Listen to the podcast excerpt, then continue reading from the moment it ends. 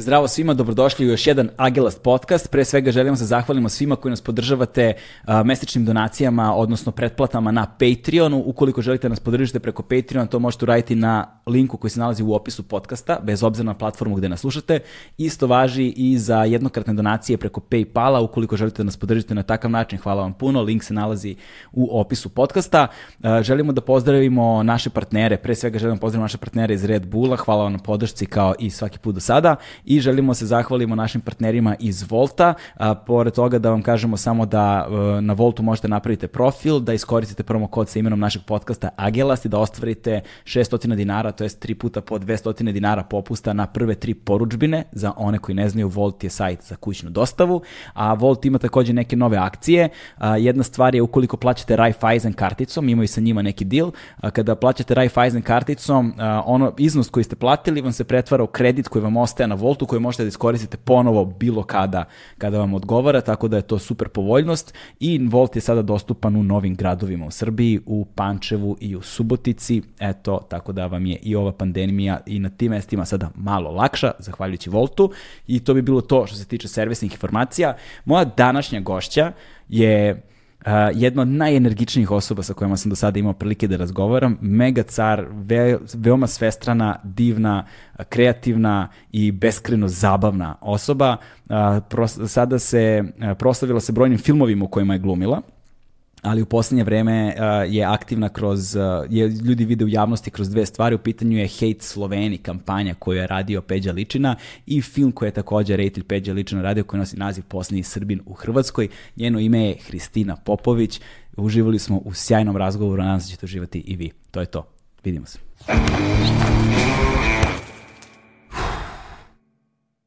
Hmm.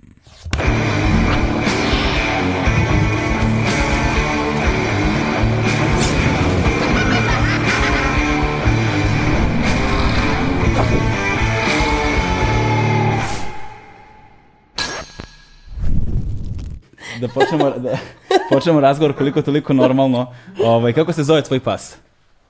Ja, sad će se misliti da sam neka spozoruše, ali ne. Moj pas se zove Manika. Kad me blam da objasnim zašto se zove Manika, mi kaže Manika. A onda on misli da je ženka. A, ja. znači, nije pojenta da ja dobijem kao manikam više love, nego, ne, nego da kogod da ga ikad pozovem, zapravo sebi priziva energiju izobilja. Ali... Tako da je to nekako lepo, kogod da ga zvrcne, zovne, dođi, on je, on tu energiju daje toj osobi ako ume da primi. Komu je smislio ime? Pa ja. A, a čekaj, a, jel, ga, jel ti neprijatno neka na ulici kada treba da ga dozoveš? Kako da ne? Miško dođi van. Ili tuđi me. tuđi vam.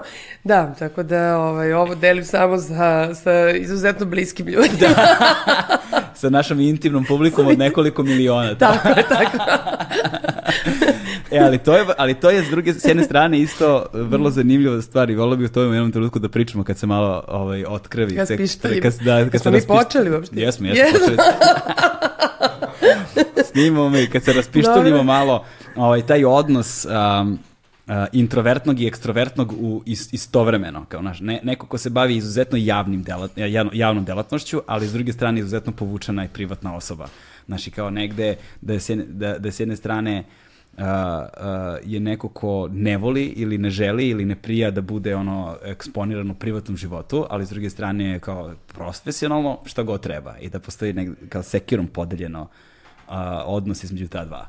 Pa, mislim, u mom poslu, generalno, ja sam neko ko nije smeo usmeno da odgovara, na primjer. Da, da, da. Uopšte.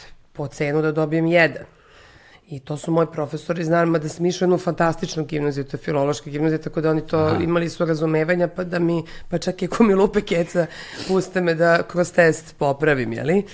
Ove, ali nekako da ja u svoje ime stanem ispred neke mase ljudi i kažem bilo šta je meni dan, dan danas zastrašujuće. To kako se, ne znam, nagrade primaju ili nešto da najaviš neki film. Ili bilo šta u svoje ime, ja sam u fazonu, ono, zemlje otvori se. A kad si u liku, to je onda meni otklon, to nisam ja, to je neki lik i ja to onda mogu da se raspištoljim Da. Zapravo imam veću slobodu, eto. A misliš da zapravo taj lik kojeg igraš Da. je kao neki medijator, kao neka buffer zona između tebe i ostatka sveta? Pa nije, nego nisam ja. Da. Ne, ne, ne, nema, nema odgovornost. Ne, aha, aha, aha. Nema odgovornost. Ali, A onda imam slobodu.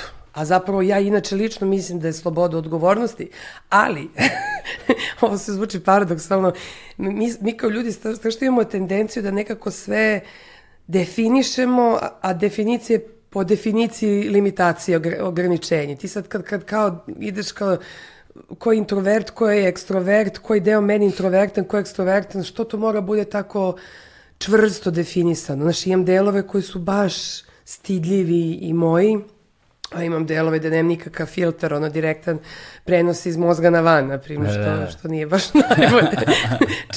Može da se ono... A, da, što na umu, to, na drumu, što bi rekli. Otprilike, da, što, da. što bi rekli ljudi.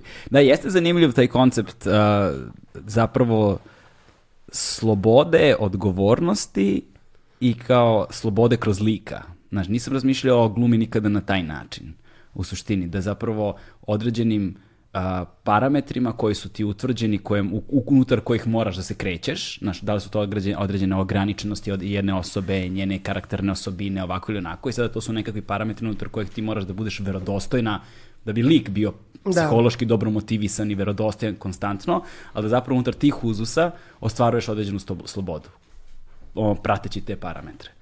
Pa mislim, to je, to je jedan divan poligon za igranje, na primjer. Znaš, ti, i ti sebe nekako kao individu isto tu da vučeš neki lik kroz koji se predstavljaš Da. svetu. Nismo mi baš bez nekih osobina, bez... Znači, mi biramo kako se predstavljamo mahom drugim ljudima. I sada, ne, da taj moj lik ne bi ugrozilo nešto, ovaj lik koji ja, na primjer, tumačim u pozorištu ili na filmu je možda ratoborniji od mene, možda je hrabriji od mene i onda se tu hrabra. Ali u okvirima lika. Da, da, da. I onda ja ispucam sve ono što nikad ne bi mogla u svojim okvirima da ispucam. Mislim, mogla bi, ali biram da ne koristim, jer sam zamislila da mi baš ta slika o sebi, jeli, biva doprinos. Tako da je to onako divan, jedan divan posao da ti zapravo može putuješ i kroz vreme i kroz likove. Moj najveći san je da budem astronaut.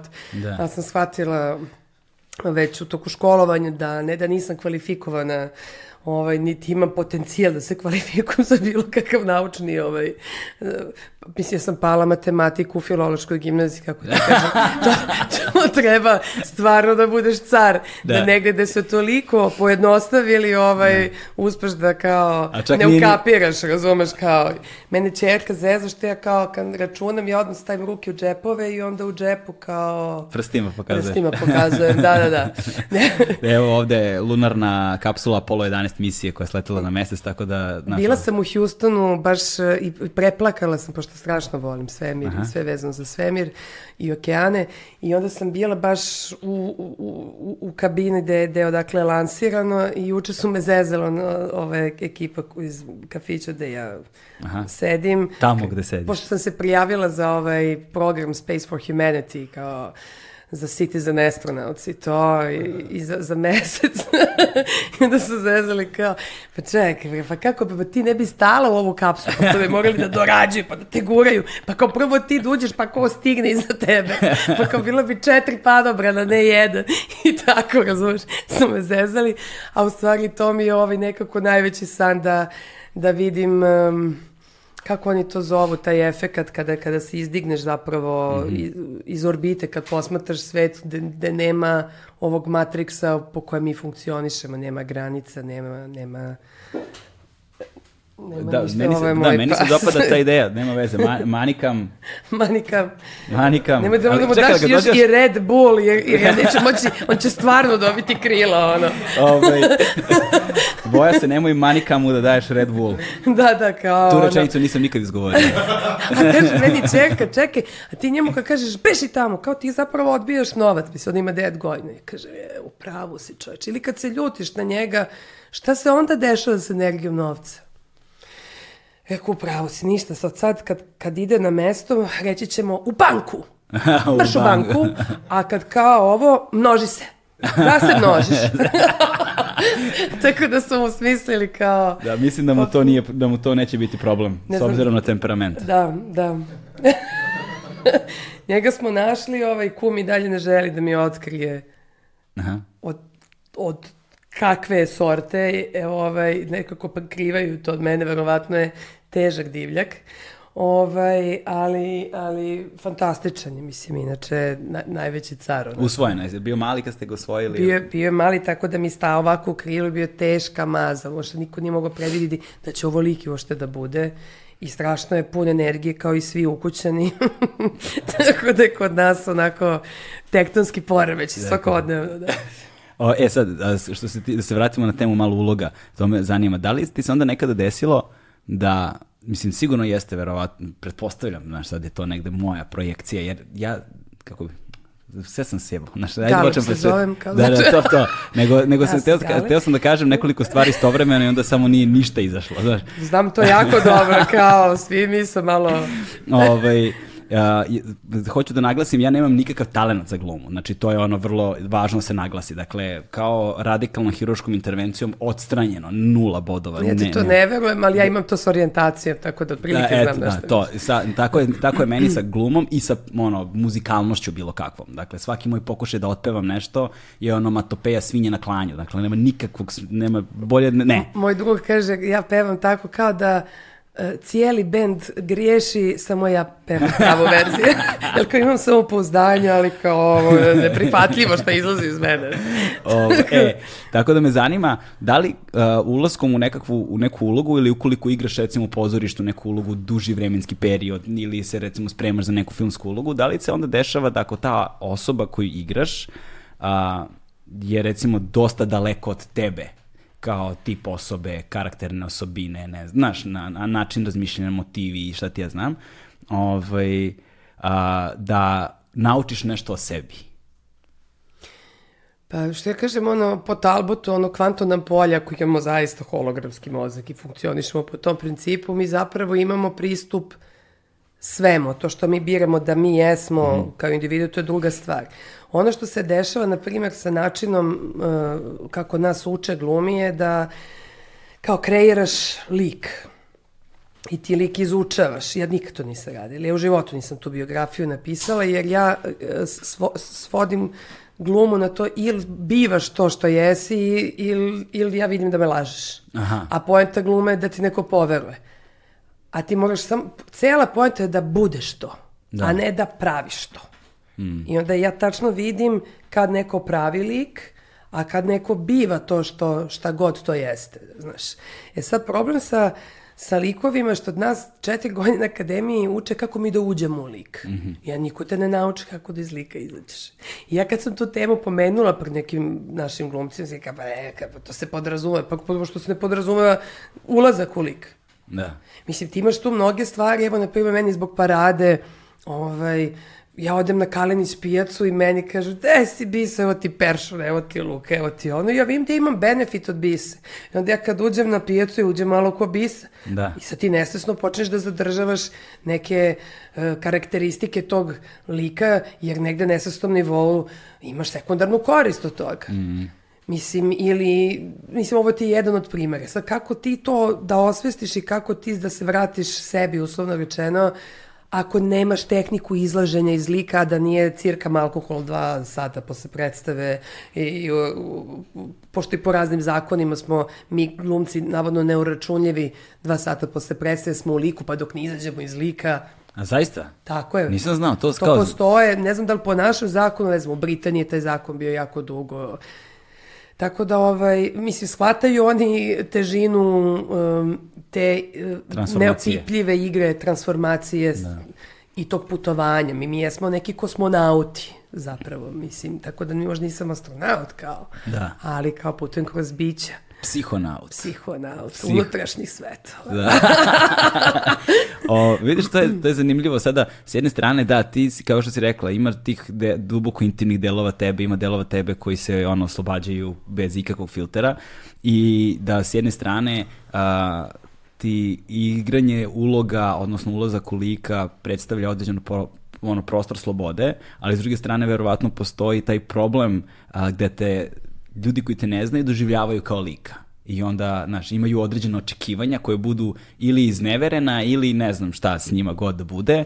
U trenutku kada tu upoznaju fazon se, pa kao ti nisi, ne znam, obilike. Uvek se razočaraju. Taksista mi je rekao, e, kao, pa ti nisi taka seljančura, kao. Kako da, hvala. što je gledao paradu bio. Da, da, da, da, da. Pa tako, ono, ne znam, u Hrvatskoj zbog Hrvojke Horvat svi me doživljavaju kao neku Kako kaže, puca, puca zora. Zora puca. Zora puca, zora, zora puca, puca, zora puca, da. to. Ove, ovaj, kad, smo, kad smo već kod Hrvojke Horvat, a, zapravo a, se, palo me na pamete zovem kada, sam, kada je izašla ova kampanja Hej Sloveni. Hate Sloveni. Hej, hej Sloveni. Hate, hate. Hate, hate Sloveni. Hate Sloveni. Hate. That's the whole point. da. Znači, bukvalno sve što sam mogao pogrešim, pogrešio sam to. Nema veze, opušto nisam ja, kao daš kako da. mi je lakše. Obično hate, ja. Hate, hate da. Sloveni, da. uh, koji je režirao Peđa Ličina, mm -hmm. je li tako? Da. Ovaj, koji je nekako super nastavak i na film koji se, koji se desio sa ovaj, poslednjim Srbinom u Hrvatskoj. Poslednjim Srbinom u Hrvatskoj, tako je. Ovaj, ali ajde, re, hajde reci mi za sve one koji nisu videli, a ukoliko takvi ljudi postoje, pošto mislim bukvalno da su svi videli tu kampanju, to neviđeno. neviđeno izgleda pro... postoje. Da, izgleda postoje, da je neviđeno dobro pro, prošla kampanja i to regionalno i negde mi deluje van uh, tvojih, vaših očekivanja.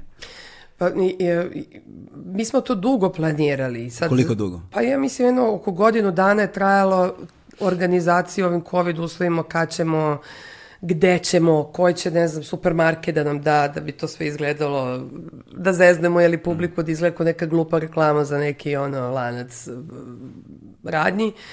Ovaj, međutim, kad se sve to složilo, Peđa je krenuo zapravo od toga hate. Hej Sloveni, hate Sloveni. I onda je, za, kako on kaže, samo prepisao te hate komentare koje se, kojih imaš da. milijarde jeli, na, na tim nekim našim portalima gde su uglavnom na to na, na nacionalnoj osnovi čašćevamo jer to je postao ozbiljan sport. Ja bi to, ja bi delila to bre nagrade, da se to nekako ono, prijavimo, bili bi ono š, olimpijski šampioni, čini mi da. se. Međutim, moje dete kaže, kad sam objašnjavala šta je zapravo govor mržnje, ona kaže, ali nije to samo kod nas, kako ona prati te strane youtubere i tako dalje, uvek postoje tu to na tih nekih hate komentara, to je cela neka hate kultura zapravo. Mm. Uglavnom se kriju iza nekih anonimnih nekih nickname-ova, ne znam, tako, znaš, niko tu nešto u svoje ime, ali ne znam odakle ta potreba da se eto toliko... To je ogromna energija zapravo. Da. Neko mi je objasnio da ti je potrebno mnogo više energije da budeš depresiva nego sreća. Da je to hmm. strašno velika uložena energija da održavaš depresiju, da su kao s mnogo manje energije zapravo možeš da održavaš sreću. Znaš, ne znam, nisam razmišljao o energetskom utrošku takvih stanja. Pa ja gledam, ja sam užasno efikasan i ekonomičan, meni je Tiago Stanković rekao da nije upoznao efikasniju osobu od mene, a moja majka je moju lenjost nazvala ekonomijom pokreta. Znači, ako ja odavde do ovde mogu dođem u tri korake, ja nikad neću doći u pet. Da. Ja ću usput da ponesem i čašu i izmigoljit ću se, pardon, ovako, samo da dođem sa minimum pokreta do, to se zove hiperefikasnost. Tako da ja sve računam u tim jedinicama da. energije, zapravo koliko na šta trošiš, a nisi uošte svestan. Mm. Ali mi je super kampanja zato što Uh, mislim, bilo je puno kampanja i prosto ranije na temu ono, adresiranja mržnje, adresiranja, ne znam, određenih matrica ponašanja, nasilja, ovoga i onoga i sve su nekako bile, ova je istovremeno direktna, ali ima nečega u njenoj direktnosti što potpuno razoružava. Znači, ne, neko kad smo, kad smo pričali ti ja da, prošli da. put, ti si bilo u fazonu. Ti si ja sam... to naučno objasnio. Da, da. ti, si, ti si očekivala da će sad ljudi, kad ti budeš Severini, re, Severini rekla kurva ustaška, da. znaš, da će ljudi biti u fazonu, vidi, znaš, da će to... Zato što sam i ja kao neko ko isto bio žrtva i nasilja, i govora mržnje i tako dalje, navikla da ljudi spinuju mm. i, i taj ges kako se zove, lightning, taj, taj mehanizam da se zapravo spinu i praviš nekog ludim i krivim, ta, izlačeći stvari iz kont konteksta, takođe veliki sport. Da. U, u celom regionastanu, što bi rekao, liči na zove naše prostore. Ovaj, I zato sam bi, mislila da će prvo što će uraditi izdvojiti samo od, kako je njoj kažem, drolju ustaška ili ovaj meni kravo ili tako dalje i da će popuno zanemariti poentu celu. Mm -hmm. Međutim, to se nije desilo i ljudi su, hvala Bogu, izgleda da nekako evoluiramo no, i mentalno i duhovno i da su jako dobro da je jako dobro prihvaćeno i da nigde nije zapravo zlopotrebljeno Da. ovaj, sp- ovaj. A da li je sad pitanje to, da li je to samo stvar evolucije, pošto mi ne deluje da smo baš toliko evoluirali ono, u ono dobrosusedskim odnosima, nazovimo to tako, s jedne strane, a, ili je to s druge strane i kao kvalitet izvedbe, znači taj finalan proizvod zaista izgleda dobro. Znaš, na kraju dana ono, ja sam, ja sam do mene, on je do mene stigao sa 57 različitih strana kao dobra fora pre svega. Pa zato što, mislim, isceljenja se dešavaju na različitim nivoima.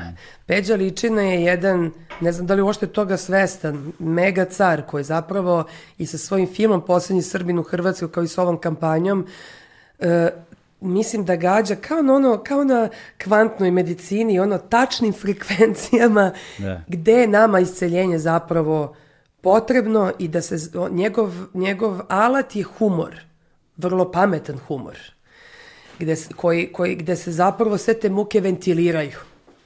I, ovaj, I način na koji se on bavi ovim temama, koliko god neozbiljno delovao, je jedan od najozbiljnijih načina pristupu ovoj temi. I meni je zato velika čast, bila sam se uplašila da ima možda koronu pre to snimanje, kako sam samo ovo da ne propustim. Jesi imala koronu? Nisam, nisam. Imala, imala sam sve simptome, ali eto ima još nešto pored korone. Da. Ovaj, imala sam upalu sinusa dva meseca. I ovaj, tako da, eto, to je to. ali ovaj, Eto, prosto njegov, uh, ne, znaš, ne, ne, ne misliš uvek ozbiljno kad kažeš neku uvredu, kao što i nekad kad kažeš nešto lepo ima energiju uvrede. Mislim, i on s tim jako lepo barata ličina i ovaj, i jako mi je drago da su prepoznali koliko je zapravo genijalno kreativan taj čovjek. Ne, to, je, to si sad lepo rekla, da nešto lepo može da ima energiju negativnog.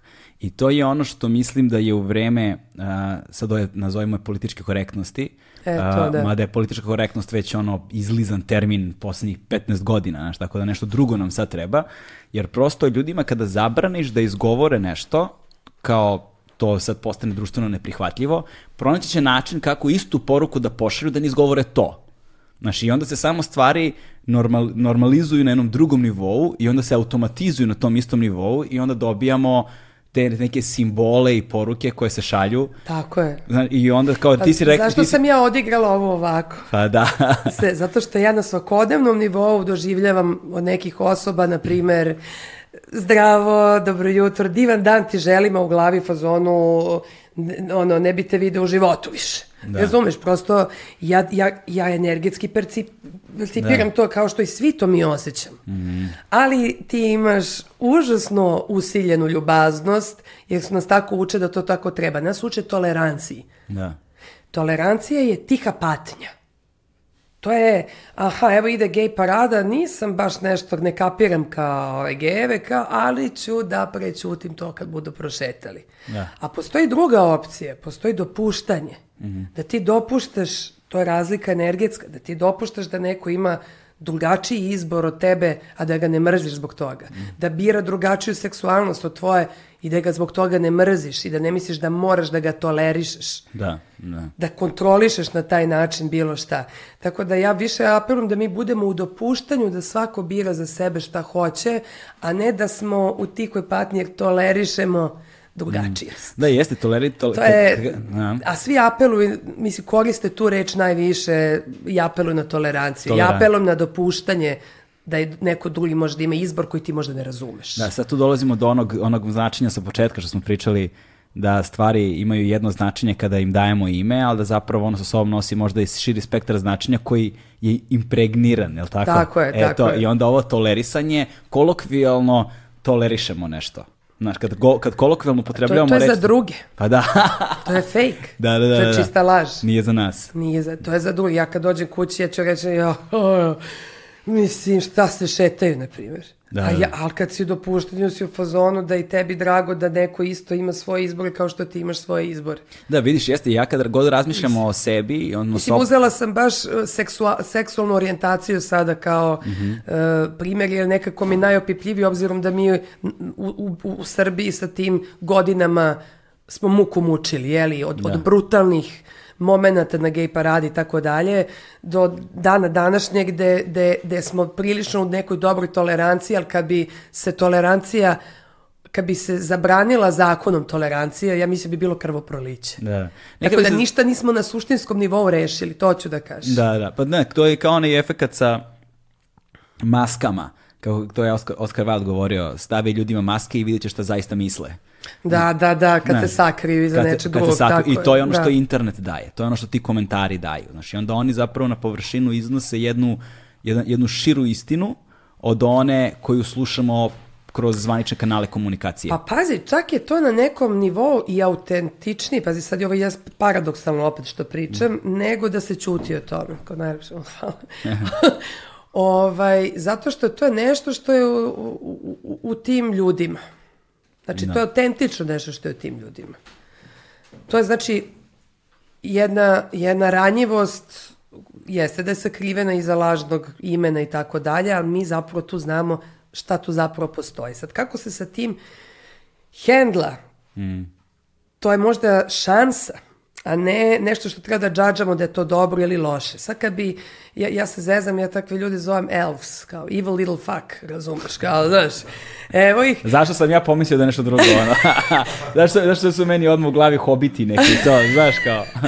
pa zato što je dobar Bile- akronim, razumeš? Da, bilenjaci, da, to da, neki... pa bilanjaci, ali odno, znaš, sad ti, ti ako opet ulaziš u, u, u, u začaran krug, ako ti kažeš e, ovo je ovakav, ovo je onakav, zato što je on ovako hejterski, i odmah te navlači opet u taj hejterski krug koji nekako nikako se prekine, ali ako ti nemaš prosudbu naspram tih klikova, mislim, što je jako teško postići, nego samo svesnost o tome da neko to misli, ali da ne prosuđuješ ga da je dobar, loš ili jadan on ili jeba bi mu milosnu nana ili tako dalje, onda tu postoji šansa da se nešto menja. Da. Ali ako mi automatski krenemo u judgment i ponovo prosuđivanje jer je neko hejter, Da. šta smo dobili? Da, vrlo je, zan- vrlo je zanimljiv taj uh, koncept, odnosno na, dinamika posmatranja tih stvari. Sad, zato što s jedne strane takva vrsta hejta ima vrlo konkretne posledice na brojne ljude, pojedince, posebno kad su klinci u pitanju. Ove, ili kada su u pitanju neke osobe koje imaju problem sa samopouzdanjem, nestabilne na ovaj ili onaj Da, kod način. dece je to drugačije, kod njih idu na body shaming, da, Između ne znam kako se to uopšte kaže na srpskom. Da, da, da, da. da. ali ih, užasno, znači slaba tačka je samopouzdanje koje se gađa kod, kod dece i zato ima toliko Mhm. Pa- samoubistava među klincima širom sveta, uzrokovano upravo tim hejtom koje dobijaju na koment, komentarima Pa da, na svojim zato- socijalnim mrežama. Zato što oni, zato što oni sad tad, tad prolaze kroz fazu, osetljivi su što Da. oni tad prolaze kroz fazu ono, otkrivanja sebe, sopstvenog tela, sopstvene Jest. seksualnosti. Oni se razvijaju psihološki i emocionalno i grade taj odnos prema sopstvenom telu koje se još uvijek menja i transformiše i onda je to naravno strašno bolna i osetljiva tačka i, i laka meta s druge strane. Znaš, nije nešto što mora mnogo da se promišlja nego ali na prvu loptu. ono. Jeste, pogotovo što kod klinaca imaš zadatost, bez- ne samo kod klinaca, ali kod njih, hajde kažemo da su pod najvećim uticajem onoga kako treba da izgledaju, Mm. šta treba da nose, koja je to garderoba, koji su trend sportovi, kako da ovo, i ako se oni ne uklapaju u to, a, a to uopšte nije njihov izbor, na primjer, ali svi ulaze to samo da bi bili prihvaćeni. Mm. Tako je. I sad, e, e, ono, da bi bili prihvaćeni, oni amputiraju ogromne delove sebe. To je kao, eto, ne znam, dopadne mi se frajer, ali vidim da ne može baš da skapira celo mene. Mislim, ja to ovaj, sam par puta uradila. I kao, dobro, može on ovaj deo ličnosti, ali ovaj ne može ništa, ajde sad sečem ruku, on, pošto vozi mini Morisa, uf, opet ne mogu stanu, ček, sad ću i drugu ruku da isečem. Da. N- Ne mogu, o, sad ću obe noge i sedim ovako, e, to je to. Sad je to, to zapravo nemam više sebe.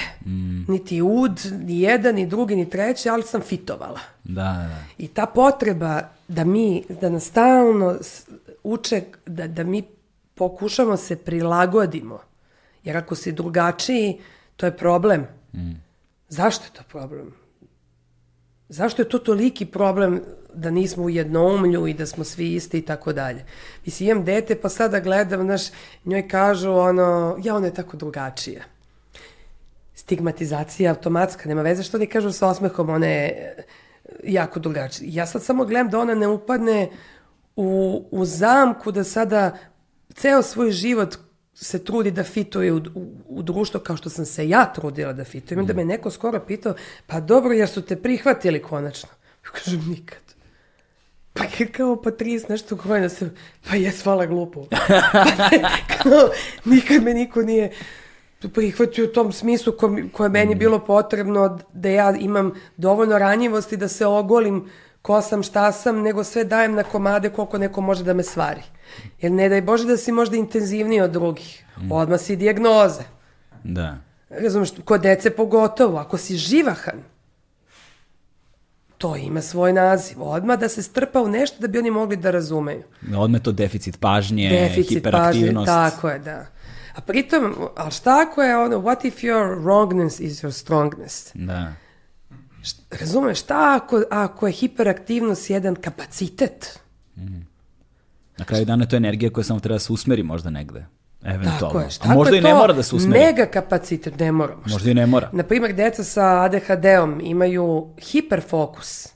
Oni nemaju, oni imaju nula fokus na neke stvari koje njih ne zanimaju, ali zato na ono što ih zanima imaju hiperfokus. To su izvareni ljudi su, sutra u životu. Mislim, ne mora sve da bude pogrešnost. Jer mi, mi živimo u nekom univerzumu dualnosti gde ili si u pravu ili nisi u pravu. Da. E, ovo je, ovo je krivo, ovo nije krivo. Da. Mislim, dosta je tesno živeti u takvom matriksu. Da, da. Mislim, zato ja vidim da se, da, da se ti neki, da popadaju polako te e, e, osnovne tačke ta, te, vrst, tog, te vrste matriksa, mislim, i, i tako dalje, da, da dobijemo nekako neki realnost, da imaš više mogućnosti, to ide sporo, ali čini mi se da evo upravo sa ovom kampanjom, meni je to dokaz da, da je ovo bilo samo malo ranije, da je ovo bilo par godina ranije, ne verujem da bi imalo ovakav efekat, na primjer. Pa jeste da mno, mno- mnoge uspešne stvari moraju da se i dese u pravom trenutku. Jeste. To je između ostalog moraš, moraš negde da si čovek trenutka, tog duha vremena, zeitgeista, kako Da. god neko želi da ga nazove. I onda tu mora da bude, ta, ta klopa mora se skuva ono u pravom trenutku, na pravi način, na pravoj To je temperaturi. ozbiljan talent, Da. inače, ko zna, Između ostalog, Da, da. Pored, ja. pored ogromnog rada, apsolutno. koji treba negde da se kapitalizuje u jednom trenutku i da sazre stvari koje si, ne znam, godinama vežbala, Da, da, radila, da. Spremala se i onda to sazri u nekom obliku, ali to mora se desiti u pravom trenutku, na pravom mestu i sa pravim faktorima na koj, nad kojima nemaš kontrolu, koji se prosto moraju da budu takvi kakvi jesu. Pa, to je dar da nanjušiš Mm. kako ovaj svet diše. Znaš, me, to je, meni to genijalno. Nije, nije za džabe da liči na Voli Baby Driver film. Ja mu kažem, jako mu se dopada, ne znam da si gledao. Uh, samo se... Kad on sluša klinac pre svake Muziku, pljačke, da, muziku, da, muziku, ide. da, da, da, da. I ja kažem, Pekiju, Pekija, znaš šta znači ritam na sanskritu? Ka? Istina. Mali u istini rad, kao i što je Peđa. Peđa je u dobrom ritmu ono pulsiranja ljudi koji danas žive. Ja moram priznati da je meni taj film bio potpuno bez veze. Koji? Poslednji Srbi? Ne posljednji Srbi, nego Baby Driver. Baby Drive. Ali ja sam ga gledala, vidiš, kad imaš ovu šifru i Aha, ovaj da. filter koji, s kojim sam ga ja gledala, ja sam shvatila da je to zapravo biti u istini. Sad, nema veze. Možda je nategnuto malo, da. Ja sam ga samo video kao film u koji su ono stucali mnogo para za autorska prava za muziku. Pa jeste, Znaš, jeste. i montirali na ritam, na, ono, kao, a meni je to kad vidim, obično mi to bude ono easy way out, znaš, kao teh, kad, kad se od... Ja volim taj žanr. Da, znaš, da, ja imam ali to- potpuno muški uh, ovaj, pristup. A ja možda imam potpuno Žanr. ženski, znaš, tako da... Pa, E, nisam htjela te uvrati. ali, Kao, dobro. ali da, da, kao- ali malo je, da, malo je, malo je, malo je i do, i do, i do žanra, ono, nije, nije nešto što... Žanrovski je ispoštovano Da, sve žanrovski kako treba. verovatno, da, ali nije moj, ono, što bi rekli seljaci, my cup of tea. Da, je ložana je, što bi se reklo Mm. u, mom kraju ko sam odrasla. U kom kraju si odrasla? Voždovac. Opa, gde? Kod crkve. Stvarno? Pa ja sam tu iz kraja. Stvarno? Pa da, Sad bih rekla Vi- nešto. Viton- Vitonovačka, E, ja sam na Ćošku, Vitanovačke i Vojvode Stepe, Soliteru. zaista, jedinstvo. U jedinstvu. Stvarno, evo se, nemoj da mi zajebaš. Tu sam u moguće? sam išla. Pa ja sam išao u Maslešu. Ma daj, nemoj da me zezaš. Majke mi. U Maslešu sam išao u Kumudrškoj dole. A koje si godište? 82. koji ti. ti Ali ja si- sam sa prvim išla. A, pa Možda onda smo smo bili se- suprotne smene. I onda se nikad nismo sreli. Jel to vidiš da je to moguće? Ovo je verovatno. To mi koja rekao i koja je isto Jeste, išao Masleš. pa znam koji sam vidio, on je u Kumodraškoj dole bio. Bi, pa da, da. Da, da, da, tako je. Pa čoveč, kako ti bio razred? Šalim se. Ove, Razredom je bila Branka, ruski je predavala. Meni draga. Ko je ta? ne sjećam se. Sjećaš se žabarke? Kako ne? Pa da- Dane hemičarke. Dani, nisi smio iza leđa da staneš. Tako je. Njoj staneš iza leđa i upiše ti peticu, što je frka je bila. Da, je. Da, da. Dobro, to je škola gde je moja mama, seća se. Kako se zma- Ja sam iz te škole otišla u privatnu diplomatsku školu. Zašto? Zato što je a, na nekom od roditeljskih sastanaka došla jedna od e, majki i rekla za treći ukor svog sina koji je u naš razred, koju sam ja gotivila, rekla je, bude li izbačen i ovako izadela ka šikaru. I moja mama kaže, sad sam ti otišla na e, roditeljski i nikad više. I nikad mi nije došla više na roditeljski, bez obzira što sam ja promenjala pet škole od tog momenta. Žene bilo u fazonu, ovo nije normalno, jel biš ko je to ono, Čekaj, kriminogena ekipa. stvarno Stvarno, je pripretila mislim- je, na, pripretila time na sred roditeljskog ovaj, sastanka. Koje to godine bilo? To je bio moj peti osnovne, ja mislim. Jer već, već u šestom sam išla u nemačku školu, a sedmom i osmom u francusku. Ve- Već su krenuli da me, ovaj, da me šaltaju. Aha, ti nisi završila maslašu? Ne, pet godina sam išla. A, Pa zato se nismo, zato što, zato što sam Kao ja... promenila moj životni put. Da, ja sam, ja sam, ja, zato, što, zato što sam ja, zato što sam ja bio premaslašao još dve škole. Znači, ja, A ja sam smo u Jerkoviću se mi išao. mašili. Da, i onda sam išao u Jerkoviću, Da, pa sam da, se da. ja prebacio u Maslašu i onda sam E, završio zato Maslašu. se, da. zato se ne zna. I, I još suprotne smene, tako da se nismo ukačili, a ti si Ludilo. bila gore u fancy delu malo, a ja sam bio dole. Pa nije to baš... Pa u odnosu na to stav- vreme tada. Da, da, Da. eto. I tako smo se promašili. Vidiš ti čoveče, ista, ista škola, kako bi rekao. Da. gde, smo, gde smo stali? Nego, gde, ja, oj, to, Da. to ja ne znam. ovaj, da, pričali smo, pričali smo o tom, o, o, toj, o toj osjetljivosti, o tim ranjivim grupama, o tim klincima, a, govorili smo o tom body shamingu, jel Da, te, o tim da. svim osjetljivim stvarima, ali stvari u tome, ali govorili smo generalno o tom jeziku mržnje. I zanimljivo je da znam negde iz ličnog iskustva ovaj, obilnog, jer sam bio na obe strane spektra, i Verujem, onaj da. koji je slao i onaj koji je primao. Da. Ovaj, I sada sa ovim vremenskim otklonom, ali ne samo vremenskim, nego i emocionalnim otklonom, znaš, moraš negde da se ti promeniš i odrasteš i kao osoba i da sazriš i ovako i onako da bi sve to imalo, da bi, da bi mogla da posmatraš negde a, racionalnije stvari koje su se dešavale u prošlosti, znaš, nekako samo sa nakladnom pameću možemo to nekako bolje da znamo. I onda kada posmatram unazad, tek sada kapiram koliko sam bio slab onda kada sam bio najgori. Kada sam prema drugima. Znači, kad god sam bio loš prema drugima, to su zapravo bili trenuci moje najveće slabosti. Ali a, problem je u tome što kada si loš prema drugima, to ima vrlo realne posljedice po te druge. Znaš, i onda kako mi koji sad stojimo sada u ovim godinama sa strane i kada vidimo nekakav hejt, znaš, kako sada mi da gajimo odnos prema tome, jer s jedne strane vidiš da osoba koja Jeste. šalje je je loše, Jeste. nije dobro, znači treba joj pomoć, dok s druge strane osoba koja prima hejt isto nije dobro jer je ugrožena, Tako je, znaš. tako je. Sad kao imaš dve, Tako je. Mislim da to svi mi imamo iskustva Mm. sa time. Mislim, ja ne znam šta... Ja, na primjer, kad primim hejt, meni je automatski jasno tom nekom nije dobro. da, S tim što sam ja budala, pa se meni uključi empatija na enti nivo, jer sam žešći empata, pa mi još bude žao, pa bi gledam nekako još i da pomognem dok te neko zasipa sa svih strana Mm. željom da te uništi, razumeš? Mislim, ko se na ove ili... Tako da ja ne znam kako se to zapravo, znaš, kada osvestiš da je neko takav, ne moraš da ga primaš u kuću. Šta? Da, Mislim, da. to gledam da je tu, tako da ja tu ja sebi stavljam. Znači, ako neko je elf, ne Mm. moram da mi bude najbolji ortak, ne mora da mi bude partner, ne mora da, da bude kućni prijatelj, a ono neka ga takav kakav je, nisi odgovoran uvek, mislim, m- moja škola je da znam, mada se na to uvek podsjećam, ali da, da znam gde prestaje moja odgovornost, a počinje odgovornost drugih. mm, to si lepo To su rekla, neke razlike koje ja prosto nisam imala. Ja sam nekako, mene su učili da si ti, ne, ono, neka, imala sam, naterana sam bila neko rano sazrevanje, gde si ti sam odgovoran za sve što radiš i tako dalje. Te kasnije sam saznala da si sam i zaslužan za sve nešto lepo, ali to je došlo 20 godina kasnije. Mm. Ali da si ti kriv za sve ružno, to je, to je bilo nekako jedna od metoda učenja mojih roditelja. koji su fenomenalni, mislim, oni su ono beyond potpuno ono svega, ali eto, valjda su na taj način teli da me zaštite, da ne budem neko ko je, e, on mi je ovo, on mi je ovo, nekako, nego da, da držim ipak e, kontrolu mm. na taj način prihvatanjem odgovornosti za svoj život u svojim rukama. Eto. A kako prepoznaš gde prestaje tvoja odgovornost i počinje tuđa? Meni je nekada čak i sa međuljudskim odnosima, znaš, posebno u porodici, znaš, meni je nekada teško da odredim gde ja prestajem, a gde počinje moja porodica ili obrnuto, gde oni, pre, gde oni, gde oni počinju, gde se ja završavam. Ovaj, ali kao ok, sa porodicom je možda baš ono zeznuto jer to, to je prožimanje na najdubljem mogućem nivou, tako ali je, znaš, sa prijateljima, bliskim prijateljima, kad na, nastanu tu problemi, gde prestaje tvoja odgovornost, gde počinje njihova odgovornost, je pravo pitanje, znaš.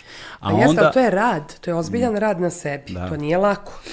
Mislim, prvo, ono, ja gledam uvek fokus na sebe prvo, u mm. smislu šta sam ja mogla da uradim drugačije, kako sam ja mogla drugačije da reagujem, da li ja ne volim tog nekog drugog ili ja ne volim sebe koja dopuštam da me neko drnda godinama. Razumeš? Mislim, prosto mora nekako da se sedne, a, ako već ne umeš sam, ja kad ne umem sama, ja se obratim stručnoj osobi.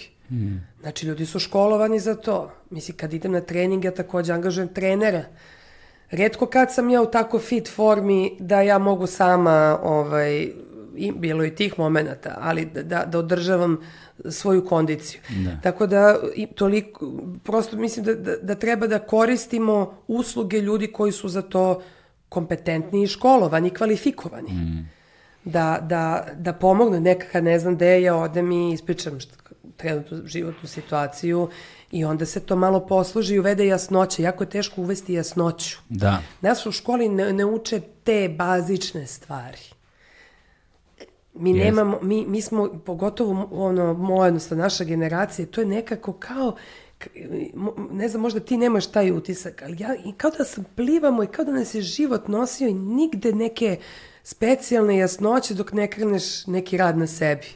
Pa onda krene da te šamara sve sa svih strana. Ovaj, s jedne strane, uh, prepoznati uopšte da je stručna pomoć ono što ti treba je vrlo često možda i najveći i najteži korak. Zato što um, ok, postoji ta neka perceptiv, perceptivna distorzija koja, ono, recimo, ne znam, osobe koje imaju problem sa, sa, sa da posmatranjem sebe uh, kroz telesnu građu, jel te, mm -hmm. imaju neku vrstu perceptivne distorzije koja može da ode u nekakve patološke odnose kao što su, ne znam, ono, bul, anoreksija, bul, anoreksija bulimija da. i tako dalje, što je opet problem za sebe, ali da stavimo to nekako po mm -hmm. strani, ako, ako nekako to stavimo po strani, za ono, veliku većinu ljudi, znaš, ti vidiš kada nisi u formi, ono, kad ne, znaš, ne možeš da potrčiš kad se ugojio ili smršao yes, ili ovo i ono, yes. i onda kao, okej, okay, idem, treba da treniram, treba da promenim ishranu, treba nešto yes. da uradim, ne znam kako to sam da uradim, daj da angažujem nekoga ukoliko mogu da priuštim, ili u najgorem slučaju, što je ono, regularna stvar u kraju, dođe ortak pa pita drugara, brate, ono, ajmo u teretanu zajedno Tako. ili, znaš, da šta ti jedeš, kako, dobiješ neki savjet, ma koliko da je nestručan, jeste, jeste. ipak si pitao nekoga, znaš. Jeste. Ali kada je a, ta unutrašnja ono zapostavljenost u pitanju, kada je duševni, kada je taj psihološki problem a, posredi, mislim da je mnogo teže prepoznati da zapravo imaš problem. Da, da ćeš da pitaš nekoga, da adresiraš, da veliki broj ljudi zapravo ne adresira uopšte ili, što može još gore da bude, adresira pogrešno. Imenuju svoje probleme na pogrešan način ne treba oni onda da ih imenuju ako... Pa da, ali treba da su... da prepoznaju da, nisu kap, da nemaju kapacitet da imenuju. Znaš, ja sam recimo dugo godina provodio tako što sam imenovao stvari pogrešno. Ovo je problem. Detektovao sam ja problem, mm -hmm. ovo je problem i onda stvaramo odnos prema tome i u odnosu prema tome organizujem ceo svoj život. I, i... A zato što iz te fiksne tačke gledaš da funkcionišeš. Pa da. Mislim. I onda izgradim ono iluziju da sam problem rešio, da, da. a on ono... Se ponavlja i, i raste. ponavlja i, i raste da, i da. sve ide dođevola. Znaš, dok ono ne tresneš od dno ozbiljno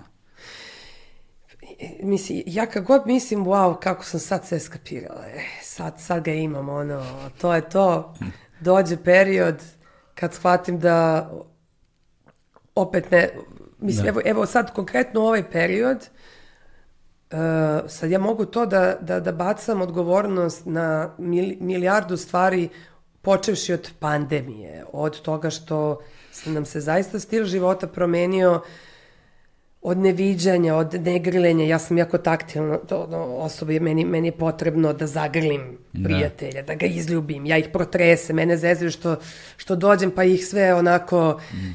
ja ne sam sad nikog da pipnem čoveče. Da. Ne, fali, mi, fali mi ljudi, povučeš se u sebe, a sve je to kao jer su to mere, jel to tako treba, ne kao, nego možda i da, mislim, prosto u nekim momentima čuva živote. Ali je radikalna promena i traje. Da. I sad ja mogu kažem da pustim, evo, dobro, ovo mi je faza, sad ugojila sam se 30 kila, ovo je faza kao, ali faza traje godinu dana.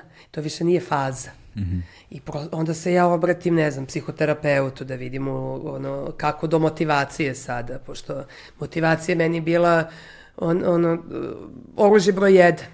Mm -hmm. Uvek sam u džepu imala 5-6 varijanti. Uf, ako mi ovo dosadi, ništa im da penjem planine, ako ne, onda ću trijetlon, ako ne ovo, čekaj, pa ima ova, idemo na free dive. Uvek sam imala te neke ventile, gde ću, šta ću, ako ako me uhvati ta neka, neko potonuće, znaš. Radova, radovala sam se životu uvek. E sad u ovoj situaciji nisam sigurna koliko se dobro snalazi. Mm -hmm. Znaš, i onda zato ovaj, se puštam u ruke ljudima koji su dobri u tome. Naprimer, neko ko dobro motiviše za trening. Ja sam rekla, primer, Jasmini Aleksandrov, mi smo se upoznale, zajedno smo sadile neke, eh, ne zajedno smo sadile, nego smo posadile 50 sadnica zajedno s mojim čerkom ovako. Nismo došli da se fotkamo, mm. nego smo zaista bile u blatu do dovde. I ako mi se dopala, ja njoj kažem, gle, ono, teško mi je, ne mogu da se motivišem, pogotovo što sam sebi racionalizovala da je motivacija uh, nasilno teranje sebe da radiš ono što nećeš. I ti sad sebe ako ubediš da je to to, to ti, ja sam sabotirala motivaciju u startu. A ona meni kaže, Hri, samo dođi i pojavi se. Da. Sve ostalo ću ja. Da, ona je malo taj lik generalno. Ali ja dođem. Da, ona je malo taj lik, ono, ajte, Spartanac. Jeste, da, da. ali nema veze. Ja ne Spartanka. mogu to da obavim, ali ona, ja sa njom ovako. Da. I sa njom i sa njenim mužem odlični su, ob, oboje su mm. jako dobri u tome. Ovaj, mislim, oni su život napravili od toga. Pa jesu, da. ali mislim što je dokaz da su ne znam uspešni. za njega, znam za nju, da, da, da. Ne, fenomenalni su da. oboje, baš su fenomenalne pare. Ovaj, pa onda ako mi, ako imam neka potonuća, neka, ne znam, možda kriza, da li, da li je trebalo se baviti glumom, ili sam je možda za što drugo. Ili, ne znam, neki druga vrsta problema, onda se obratim ljudima koji su stručni za to u, mm. u, u ovom periodu. Ili nutricionisti. Da. što, što bi rekao, koja iz nutricionisti, eto, to je jedino, ovaj, od silni problem nikako da dođe i to na red, nema motivaciju za to trenutno, ali doći će i to. Ovaj, tako da eto, prosto se služim sada ljudima koji su spremniji i kvalifikovani od mene za to u ovom trenutku. Ali ta... Jer nije život ti kad gledaš, to smo pričali, da. ti kad gledaš nečiji Instagram, to je sad kad meni kaže Tiago baš kaže, uf, ovo je tvoj, izgleda ono Fabulous Life of Kristina Popović. Rekao kad bi znali koliko radim, koliko giljam, koliko čistim, koliko kuvam, koliko perem. Ko... Znaš, to ne bi bilo gotivno ljudima da znaju ono... Znaš, i onda smo mi naučeni da samo stavljamo ono što mi mislimo će se ljudima dopasti. Da, da. Ja ne stavljam samo to. Ja stavljam stvari koje inspirišu. Meni su žene najveći pratioci. Njih strašno inspirišu što ja trčim te polumaratone, što penjem planine i ja dobim puno, puno, puno pisama kako je to njih inspirisalo i meni je srce puno. Mm. Meni je to mnogo draže nego kad snimim film ili predstavu. Imam osjećaj da sam mnogo veću stvar uradila na, na tom polju na tom polju da, da ljude približim prirodi, da ih približim sportu i tako dalje. Pa znaš kako, razlika je u tome što ovo kad radiš, radiš sama, film i pozorište radiš u timu ljudi, znaš, i onda tu mora da se potrefi više stvari da bi taj film imao taj efekat, da bi ta serija ili ta pozorišna predstava imala taj efekat. To i ne mogu da se, evo ti kažeš nemaš dar za glumu, da. ne, ne bi u to da ulazim, ali možda, uh, svako ima dar za trčanje. Ni Ako, to se ne bih se složio baš. Ne znaš ti, ti da vidiš kako sam ja ušla prvi put a kum, kvarnjak, moj kum, ovaj, čuva taj snimak kako to izgleda kada ja ulazim kroz eh, finiš prvog mog polumaratona.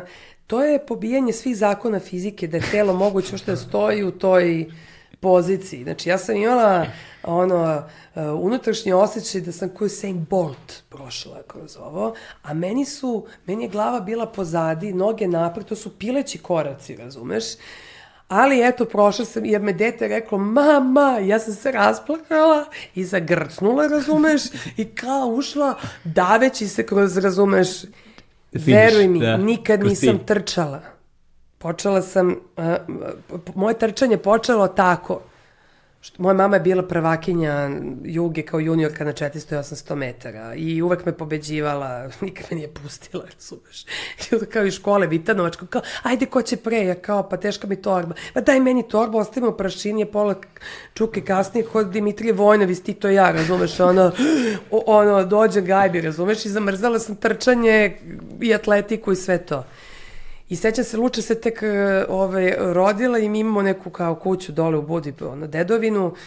I ja majku zamolim u nekom momentu, rekao, molim te, zajedno smo bile nas tri na, na letu, rekao, dva sata dnevno samo da mi daš. Samo dva sata, samo da dahne malo, da nešto za sebe uradim. Kaže, može. Ja kažem, jo, hvala, od šest do osam ujutru. Stvarno ti je to rekla. Umite se. Koliko si godina imala tada? Pa 32. Dobro, dobro. 32 godine. I ja vidim da je mrtva ozbiljna, mislim, onda je ponudila to vreme što dete tad spava. Da. I njoj je najlakše tada da hendla to. Ne, ona je sad odlična baba, nego ona se strašno bojala bebe i toga. To je ja sad vidim, kad vidim daleko mi sad, pa sve ne znam kako da ga držim, razumem ja njen strah. I okej, eto, mene sutradan u šest ujutru na magistrali, kao Gde? U Budvi? u gore, da, da kaj, stojim, da li da idem ka Jazdu, da li da idem ka Petrovcu, gde ću u šest ujutru, sve se okrećem da, da, da ima nekih, da, da strame bilo, nema žive duše. bre. I kao ništa, ajde ja da šetam i kao prošetam do jaza. I kao vidim ja da meni zapravo ta šetnja dva sata prija. Pa sam onda skinula neki Idiot's Guide to Start Running. To je kao da te natera da trčiš 12 minuta kontinuirano. Za četiri nedelje. Znači, to, to je Znači- bio znači- moj nivo. Oni da. kaže, znači, oni kažu, trči minut kako znaš i umeš. Unemam se. A minut Znači, ti si, bila hodaj. baš, ti si bila baš na tom nivou. Baš na tom. Baš Baš na sam tom. bila u fazonu, što je, evo, rodila sam dete, isto su mi rekli, nema šanse ni to da se desi, eto, da desila se i predivna je. Znaš, kao što ne bi to svi trče, to je zdravo, mislim, mislim da smo negde dizajnirani za kretnju, razumeš? Znači, to je neka 2013. a? Tako nešto, 2000... 2014. 14., fazon, tako nešto, 15. ne znam ja. I kao eto tu od tog momenta Idiot's Guide to Start Running ja izguram prvih 5 kilometara. Kad si izgurila? Koliko ti trebalo od 0 do 5 km? Pa tačno tih par nedelja koliko traje taj kurs, mislim da i više. Aha. Da nek, mislim da i više. Onda sam ja dobila strašno samopouzdanje. Ali ne ono samopouzdanje, nego ja sam shvatila da sam ja sebe zapravo, ja sam sebe ograničila. I ako ja mogu da istrčim 5 km, ko, ko zna šta sve drugo ja mogu. Da. A nikad se nisam usudila da pomislim da ja mogu. Pa sam onda ovaj, promenila drastično život u 33. godini. Potpuno sam izbacila sve substance psihoaktivne iz svog života. I počela da živim onako, ne znam da I kafu? Te, kafa nije psihoaktivna substanca Aha. u meri koje mi koristimo u smislu dva espresa dnevno. Ovaj, ali alkohol pod broj jedan, mi smo jako tolerantna sredina na alkohol, alkohol je legala, od alkohola, ja mislim, najveća stopa smrtnosti na svetu, I svega drugog, posledica ono. alkohola i tako dalje. I, ovaj, I prosto to više nije išlo uz stil jedne samohrane keve, to, to, to, to prosto nije išlo. Onda se to zamenilo nekim ono otkrivanjem mene kao atlete u 30 i nekoj godini. Ja sam inače radila kao ronilac na, na Majorci četiri godine, ali ja nisam znala nijedan, nijednim stilom da plivam. Aha, e, znaš da sam... Uh, radio Znaš sam... to, znači, da je Božda htjela nekog da spašavam. znači, to je izgledalo ovako, znači, mene majka povela jednom na plivanje, ona pliva sve stilo, pliva i delfin i stvarno poezija gledati, ona je prima balerina, to je, stvarno, to je, to je poezija gledati. Ja na, ba- na banjici, prvo ne znam gde sam u 8 ujutru, tad sam imala 20 i nešto godina. Ja tek kad, kad osušim kosu, shvatim da sam se probudila. To je bila ta, ta faza, ono, izlasci, la, la, la. I kao, a mama, e, mama i Cvija, gluma Cvijanović, su imali taj neki zornjački termin, da li od 7 do 8 ili do 8 do 9 ujutru. I ja se ovako sećam, plivam ja te širine, širine su se plivale, ona, na primjer, 25, ja na šestoj fazon, i ovako umirem fazon, davim se, hvatam se za one pločice, kao, i vi neke dve debele dlakave noge, i podignem glavu, neki trener vaterpola, umiru od smeha. Umiru, gledaju me i umiru od smeha, a moja mama kaže, šta ću, zapostavila sam je. Ne, propustila sam je. Propustila, jo. Ja kažem šta, ovaj kaže daj majke ti daj jednu širinu da te gledamo kako plivaš. Šta sam ja radila? Moj stil je bio prsno rukama, Da. prsno jednom nogom, druga je u kraulu sve vreme. I onda ovu iz prsnog dodam u kraulu. Znači, ja se krećem kroz vodu, ali Da. opet mimo svih zakona fizike. Da, da, da. Razumeš. I onda kad sam, posle toga, istračala sam i prvi maraton četiri meseca posle Idiot's Guide to Start Running, sama sam se spremala. Kako si se spremala? Sve me sam zanima. našla ono beginners program za, za, za maraton. Kao knjige neke ili aplikacije ili šta? Na netu imaš te PDF-ove, imaš Aha, ti i razne. I, čekaj, ti skineš PDF i čitaš, i čitaš ih zapravo. Pa zeznuo me moj e, drugar što radi u momentu, upoznao si ga Velja, on je rekao idemo ti i ja na mar, polumaraton, ja krenula se pripremam, rekao si uplatio kotizaciju, sad je jeftinije, nemoj čekaš kao ono pred kraj, tad je 3 soma, sad je 800 kinti, daj sad da uplatimo, važi, važi, ja uplatila za sebe, ja se spremaš, spremam se, spremam se, došla dva dana pre mene, jer idemo, kaže, ju, ja ne mogu, kaže. kaže, A šta me čekaj, a vi, zezaš? a vi niste nijednom zajedno potrčali kao? Ne, ne, nijednom nismo. I onda je tu bila drugarica moja koja, koja me ubeđ, ono, ubedila da je sve zapravo iz glave. Aha. I kao gde su zapravo krize i, i onda smo nas dve zajedno to nekako istrčale. Ali čekaj, samo nemoj da preskačeš puno. pre- ka- Kako si se spremala za polomaraton? Daj mi ono, opiši mi Pa imaš- jednu nedelju svog treninga Evo, na primjer, i ishrane. ishranu nisam šljivila 2%, to, to ti ne piše. Ali ti piše, ovaj, piše ti, na primer, ne znam, prvi dan prve nedelje, utorkom trčiš toliko, sredom toliko, četvrtom, subotom Pauza. Long run. Aha, Long, da sam to zvala LSD, u stvari je long distance uh, Da, da, da. run. Ovaj, Tako to našu zovu dužine. dužine, Dužine, da, znaš. da. I onda tebi ti pratiš to, ja sam neki lik koji je tako, eto, sistematičan i ja sam tu, ja sam se toga slepo držala i, međutim, u sred tog plana ja sam otišla da jednom popnem rtanj. Povela me drugarica Koju stranu? Ovu lakšu, Aha, ne okej. severnu stranu, nego onu lakšu, kao girls trip, idemo nas četiri, moj drugarica Dina me povela i ovaj, ja kao same idemo, ona kao da, kao same bez vodiča, ona kao, pa ne treba ti vodič, kao obeleženo je sve.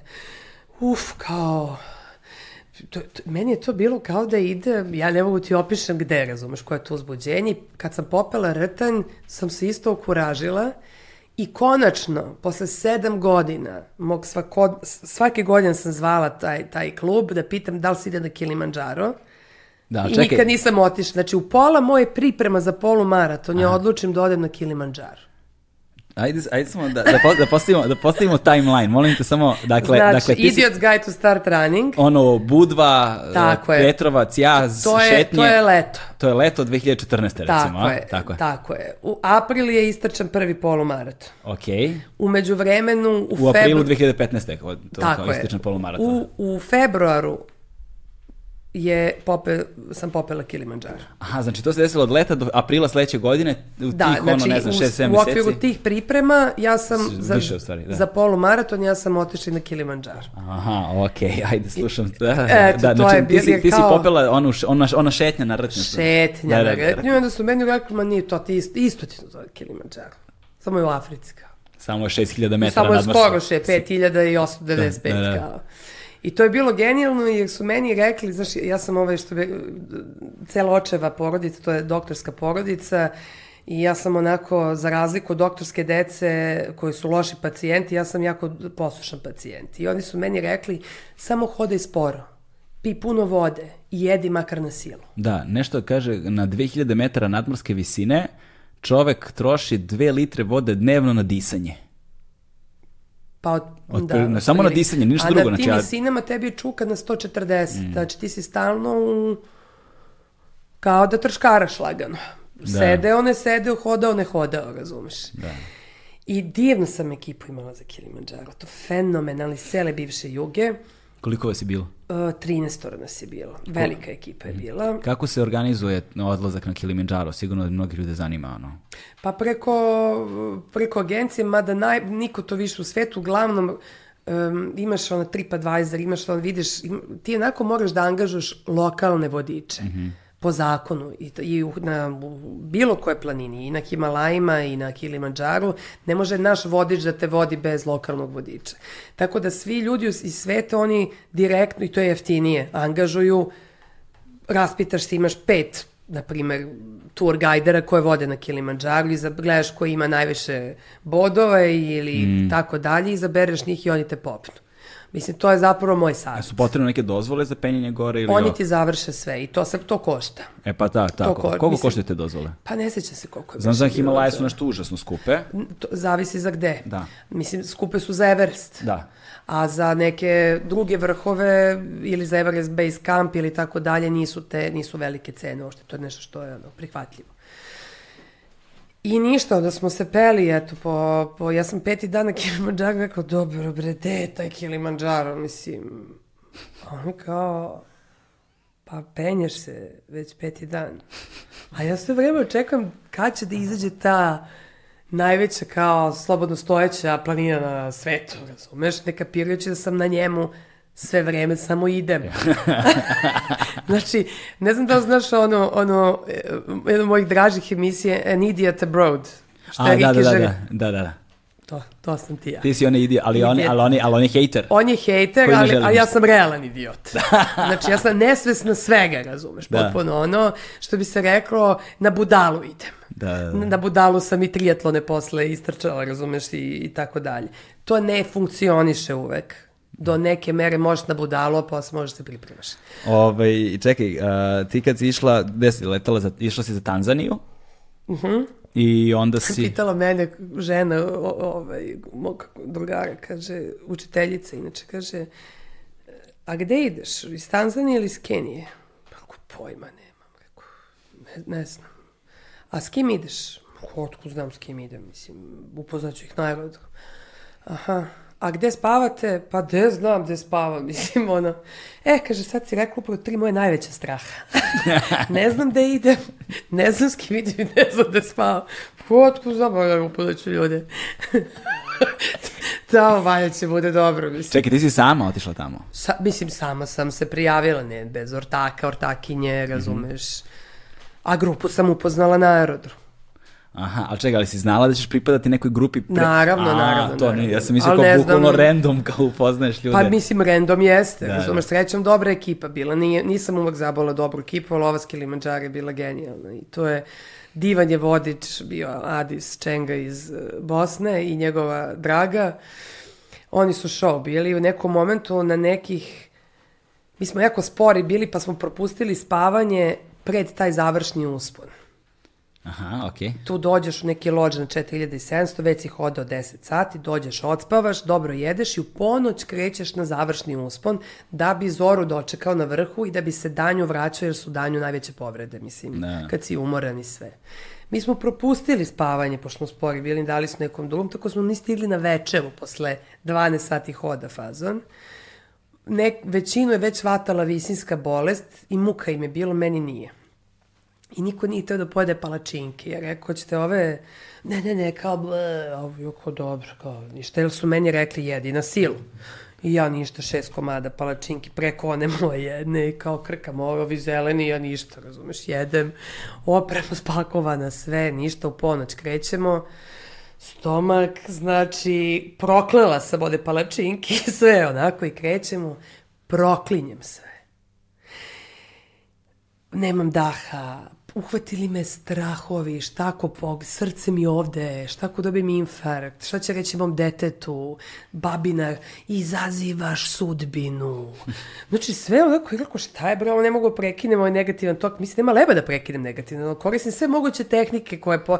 Nema šanse, ako idemo ništa, ajmo sad za budale. Jedan, dva, tri, četiri, sam krenula da brojim korake. Pa kad krenem da pijem vodu, ništa, idemo iz početka. Kad je 700, piješ kiš, piješ vodu. I tako dok nije svanulo. 8 sati sam ja brojala. Bukvalno brojala da bi izdržala, da ne bi odustala onako. I kad je svanulo i kad ti vidiš zapravo gde si tu lepotu, ti nemaš problem. Nego ono noću samo vidiš tuđe kama, ove, cipele ispred, pritom sve vreme Adi sviče... A sneg na... Kako, ko... ne, nije bilo snega, ali je hladno. Da, da, da. Ti, ti pređeš četiri klimatska pojasa za šest dana. To, je, o, to su drastične razlike od plus 30 do minus 30. Mislim, to je stvarno to je najlepši vrh, uh, najlepše penjanje, zato što je dinamično. Mm -hmm. Himalaj tri nedelje sve jedno te isto, ovo od, od džungle do glečera, onako. I stalno nam je Adis govorio, pit, uh, gegajte se, gegajte se, ja se gegam, osam sati se gegam. Kad je svanulo, ja čujem nešto, oni dobacuju, ali duva vetak, dole provali ovde stena i on kao, stani! Ja se okrenem i on kao, loše izgledaš. Ja pogledam njih i rekao, pa i, i vi su loši izgledali.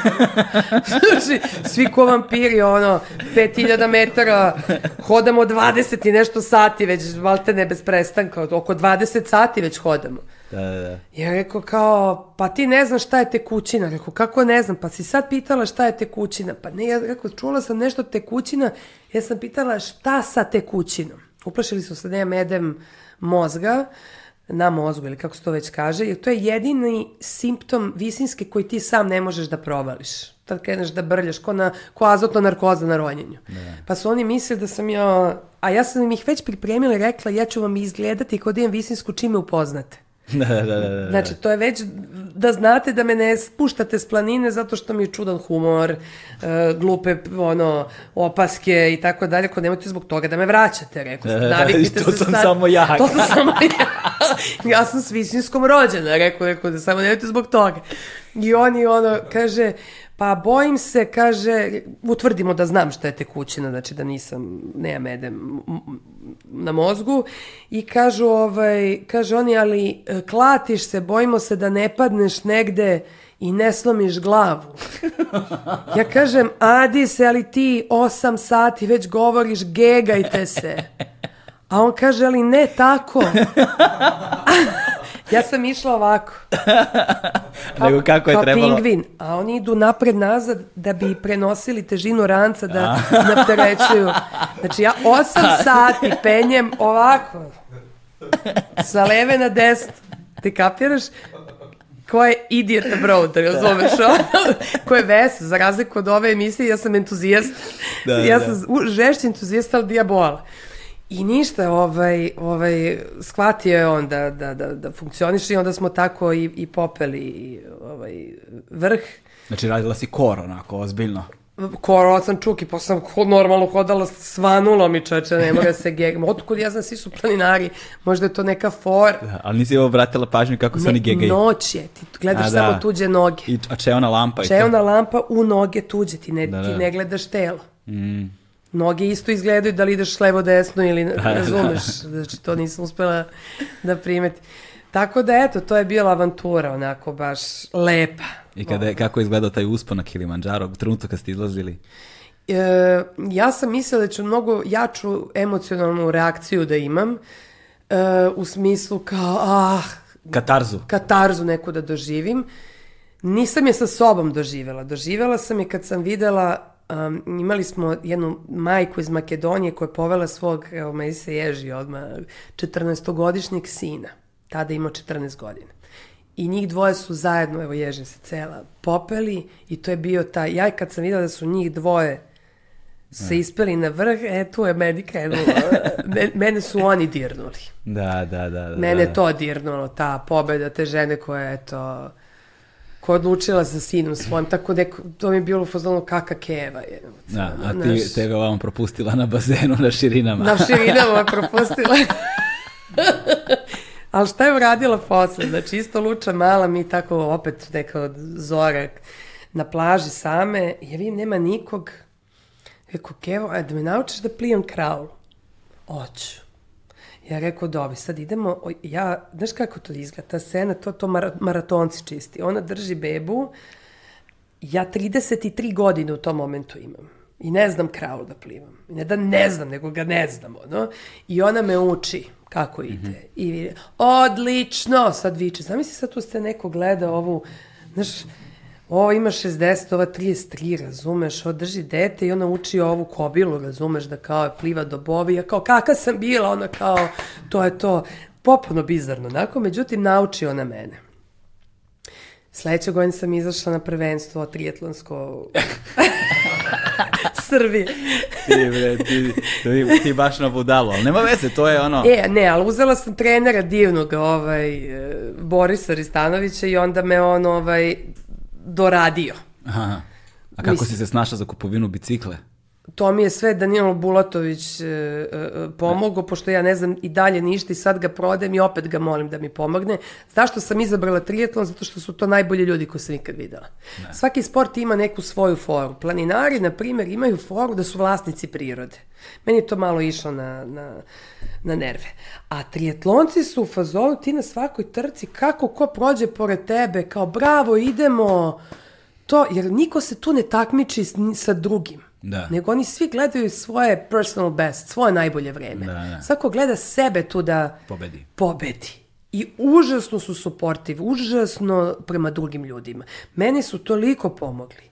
Ono, od, od, od opreme, od saveta, Znači, na izvolte sve šta treba. I tu sam strašno zavolila tridu kojem evo već dve godine nisam izašla na trku, ja mislim. Znaš ko je isto takav? Borci su isti takvi. Jel jesu? Da, da, da. Kad, kad ideš na borenje, i tu, tu su ono svi ortaci i svi čuvaju jedni drugi. Jel tako? A, mislim, naravno, zavisi... Ko bi rekao, pošto je, da, paradoks. Ne, ne kada, da. dođeš, kada dođeš do kompetativnog nivoa, kada dođeš do takmičarskog nivoa, ono ozbiljnog elitnog da, takmičarskog da, da, da, nivoa, da, da. tu to, to se gubi u svakom sportu, znaš. Da, I da, u triatlonu da. je na elitnom da. nivou... Na elitnom, znaš, da, ne. da, da. Ali, ali ti, i onda tu je konkurentnost, ono, kraj, ali u treninzima, u pripremama, u, pripremama... u kampanju, ne, to ti je ono to se zna, to vuku jedni druge, čuvaju jedni druge, Jest. znaš, to je, to je, to su ono prijateljstva za ceo život. I to su neki ljudi koji nisu iz mog posla, to su uglavnom neki ljudi koji se bave biznisima, koji su vrlo uspešni, mm. znaš. I onda se ja provalim, aha, čekaj, mislim, to, to je sve, znači ja ne razumem pola njihovih titula, meni kuma koja je u, u tom, u korporativnom biznisu objašnjava šta je HR, ja to ništa ne znam šta je koreka, šta je, meni je to ko nov jezik, razumeš, iz ove moje umetničke uh, pers perspektive, ali ono što je zajedničko je to da, da i moj posao kao i njihov jeste jedan maratonski posao. Znači, mm. gluma nije trka na 100 metara.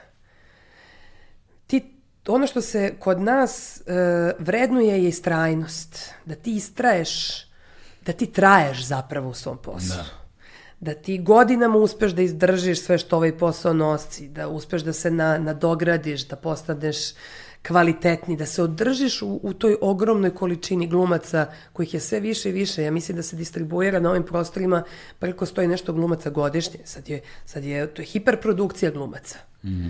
Ovaj, I kako ti da opstaneš na tom tržištu? Koje s druge strane malo i neregulisano, znači sve je uvijek kontra, što bi da, se...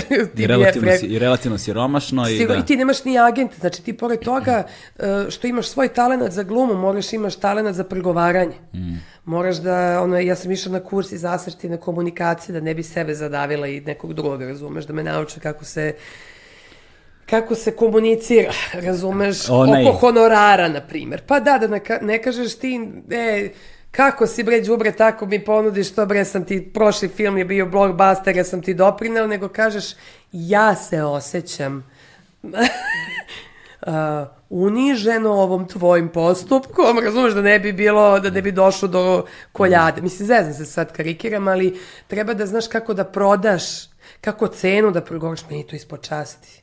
Ne. Mislim, razumeš? A nije samo ispod časti. Rani, nego ne, pa nije samo, nego, ali nego je, ja nemam talenat bre za to. Da, nego znaš šta je tu problem? Nije Neko samo ume da se proda, ja ne umem da to proda. Ali tu kažem, to, to, to, s jedne strane postoji određeni skup karakternih osobina, znači ljudi koji umeju da prodaju stvari. Da, to da. su posebne kategorije ljudi kojima se ja beskreno divim. Znači, ja recimo nisam taj, učim kako da budem, ali nisam. Jeste, ali često kreativni kreativan talent i sposobnosti ne idu zajedno Pa sa da, tim. Mislim, često. sada među biznisu, znači često koristi izraz kreativa. Ja kad kažem mislim na umetnost, Mm. na tu vrstu kreative, ne na onu koja, koja u biznis svetu znači prevazilaženje problema, obstaklasa i ne znam nije Da, čega. da, da. Nego govorim o onoj iskonskoj kreativi koja stvaraš ono neka umetnička dela Da. o toj. Što bi rekla moja Keva kad je pravila svoju prvu predstavu, pa je morala se bavi produkcijom, rekla pa je, ja ne mogu da maštam. Jer je taj deo se isključi onog momenta kad je ovaj kaže ovo košta ovoliko, ne, ovi su ti uzeli toliko para, nemaš agregat. Ćao, njen kreativni proces je zaustavljen. Da. Ne, neko drugi treba to da radi. Prosto svako Tako je. treba radi ono... Ali postoji još jedna stvar, ajde, ajde sad u tom Kao kontekstu, nego ti, si, ti, se, ti, se, ti, se, ti, se, ti se negde baviš i javnim poslom, znaš, što znači da tvoje ime i prezime nosi određenu reputaciju, nosi određenu težinu, neko na to mora da vodi, o tome mora da vodi računa, na to mora da obraća pažnju, jer to je jedan od faktora koji su važni da bi, da bi, da bi trajala. Ljudi u svetu imaju PR-ove za to, na Znaš, primjer. između ostalog, ovde to ništa, to ti sama ovde radiš. Neko ima to. To je postalo sad imaju, sportisti imaju. Da, E, imaju neke silne zvezde naše, kakve god imaju, Da. to, to postoji kao kategorija. A meni je to, ja ne znam, mislim, prvo to bi značilo da ja sebi priznam da ja nešto ne umem. važno radim. Aha, to. Ja idem iz kontra. Da, da, Razumeš? Ja se i dalje držim ono low profile iz svoje glave. da. Mislim, meni je, ja imam problem težak, pa sam išla na to, ono, na, na razgovor da sa, sa, sa stručnim lice, kad, kada ceo grad bude oblepljen mojim plakatima za premijeru. Ja, Kao da mi neko, ono, odro kožu i kao da sam izložena svemu. Strašno mi je bilo to neprijatno. Ja nisam mogla iz kuće da izađem, ono, dok nisu skinuli plakate. Stvarno. Sad sam se naučila da me to ne dira toliko. Šta znači? Pa dobro bre, to je deo posla. Neko to voli. Neko je prirodno predisponiran, ne volim da me fotkaju. Ja nemam svoje fotke.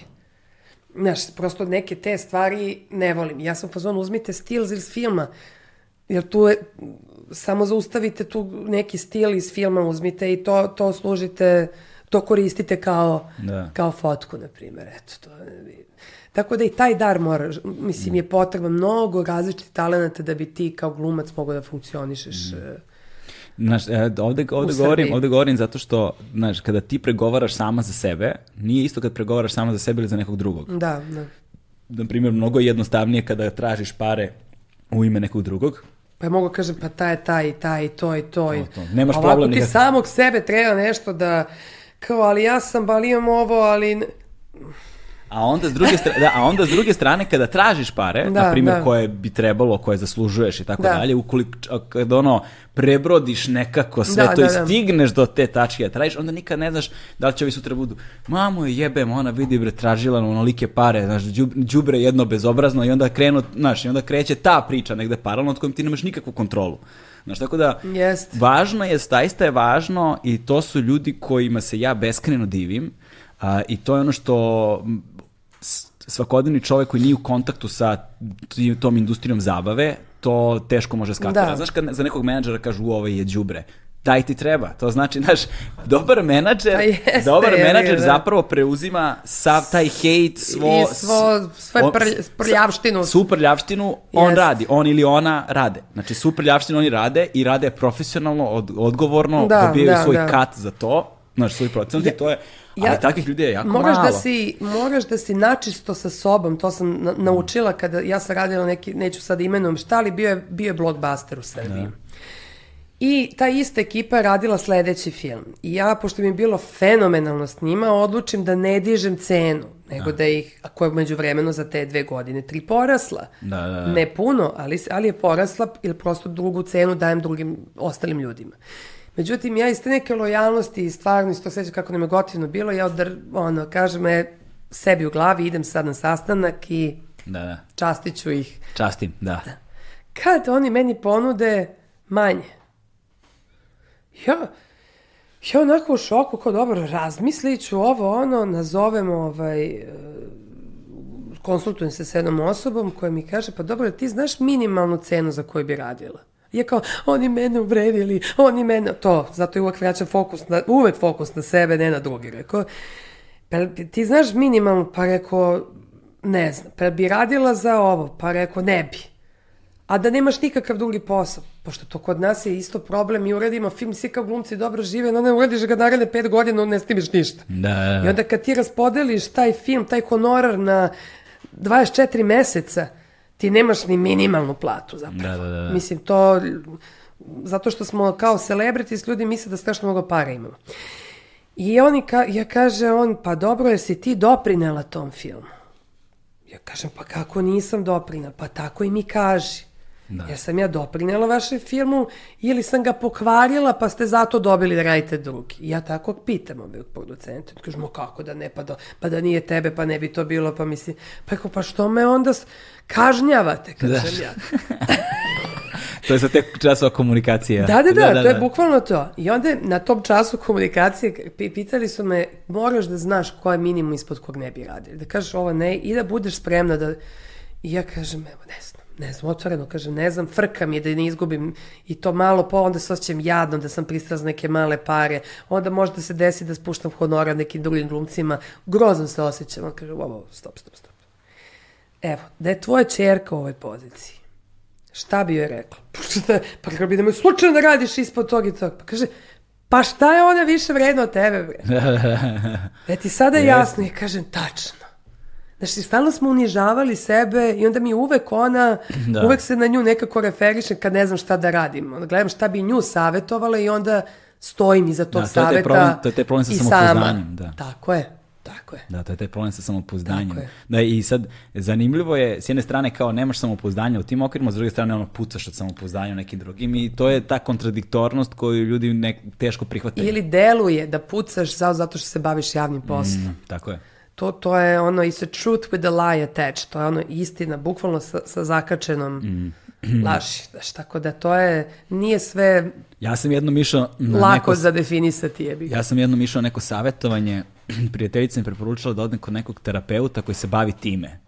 Dobro. Znači imaš kao specializovane terapeute koji se bave ono poslovnim savjetovanjem. Znači To mi treba. Uč, učete, učite kako da hendluješ stres na poslu, na primjer. Učite kako da hendluješ ukoliko se na visokim menadžerskim pozicijama rad sa ljudima, problematične situacije. Znači, tu su sve kursevi neki koji zaista postoje. A šta su oni po, po kvali, mislim... Psiholozi, psijatri, ono, znači ideš na bukvalno na terapiju. Aha, samo su stručni za to, da, za taj samo, deo. samo su se kao usavršili u tim aspektima. To mi treba, da, javite se. Samo su usavršili u tim, as, u tim aspektima. da, da, da, da. Znači, i onda, i onda recimo imaju posebnu kategoriju kao seansi koje naplaćuju kako pregovaraš za novac. Znači, to je sad, to je, to, to je sad kao to super. To. Ali nešto je potpuno bizarno. Ja sam otišao jednom samo i više nikad, ovaj, ali je kao, otišao sam jednom i, pol, i sad vidiš preko to, puta sebe, te, preko puta tebe sedi čovek koji bi trebalo, znaš, da je kao psiholog, psihijat, znaš, kako sad imaš sliku terapeuta. Kako, kako to treba da izgleda, Kako da. to treba da izgleda. Sedi čovjek koji, koji kao da si seo kod menadžera u ono neko, neki ofis, razumiješ? Da, da, znači, da, da, da, znaš, ima taj stav, ima taj izgled, ono, znaš ono, flashuje Rolexa, znaš, znaš, taj faza da, da, da, da, znaš, da, nekako da. ti je potpuno bizarno, ne, ne, kao da su se iz dve različite oblasti, ono, rodio neki Frankenstein. Dobro, mi živimo koji... u multidisciplinarnom da, da, da. dobu. Mi svi sad radimo... Ali to kao da su menadžeri i terapeut dobili dete, razumeš, i kao naš imaš ono... Frankenstein. Frankensteina, razumeš to? I ovaj, Adama, u stvari. Frankenstein je doktor da, koji ga je napravio, da. da, da. I, ovaj, I onda sad te, meni on objašnjava kako se pozicioniraš, kako sediš, kako ne znam, ono... Čak i to. Da, da, da, da, ima to, kako komuniciraš, kako praviš pauze u razgovoru, kako... Dajte napravimo emisiju kako ne treba, samo da me snimaš. To. da me stavljaš u razne situacije, jer 100% ću uvek uraditi ono što ne treba. Da. Ono.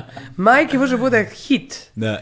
Kao stavimo sad u ovu situaciju, ne, sad, to... sad u ovu situaciju. Što... Ja brzo učim, ali, ali to je... Ovaj... Što te duže slušam, sve više mislim da sa tobom treba da se napravi uh, ovaj putopis neki, serijal da putuješ. Apsolutno. I da ti samo ne kažu gde ideš. Pa, e, nije, e, to, to je... to je to. Je to. to je it, to je to. Znaš, to je to. Treba da imaš sidekicka koji bi samo tvoje karakterne osobine Da. isticao još više na površinu. Znaš, neko ko će da te ono žicka sve vreme, žacka, kako se kaže, žicka. Žocka, uzmi neki drugi vokal. Žucka, ž- žecka. A i u. da, to, e, i Pa ovaj... čak i r, žrtk. žrtve. Um, I onda je došlo do tog trenutka u razgovoru uh, sa njime gde je kao kako sad pregovaraš za pare konkretno. Znači kao prvo mi je to kako govoriš, šta govoriš, kako kad se obraćaš superlativima, kada nikada ovo nemoj da radiš i tako A dalje. gde smo tu mi? Je? Pa nema, nema u tim situacijama nema to je tebe. Mr. Smith, on, to je Matrix. Onda. Tako je, tako je, to jeste Matrix. Ceo taj Znam, a to- korpo svet, kada je taj lovo Da. pitanju, tu je vrlo malo tebe. Nema tu skoro pa uopšte. Znači, posebno kad se rade u tim velikim kompanijama gde recimo radi, ne znam, 800.000 zaposlenih, nema tu tebe. Znaš, to su, to su monstruozno velike kompanije, to su koje se kreću kao disa, dinosaurusi koji imaju jake utvrđene birokratske sisteme gde menjanje bilo kakvih pravila ne funkcioniše, zato ćeš ti dođeš promeniš neku celu vertikalu. Nećeš. A znam, ali ko zapravo menja onda ne možeš da promeniš ni svet. Ne, pa ne, Mislim, pa ne osim ako ne svet. dozvoliš nekom vizionaru da promeni ta pravila. Ne. Razumeš, mislim, to je, to je mene buni sa...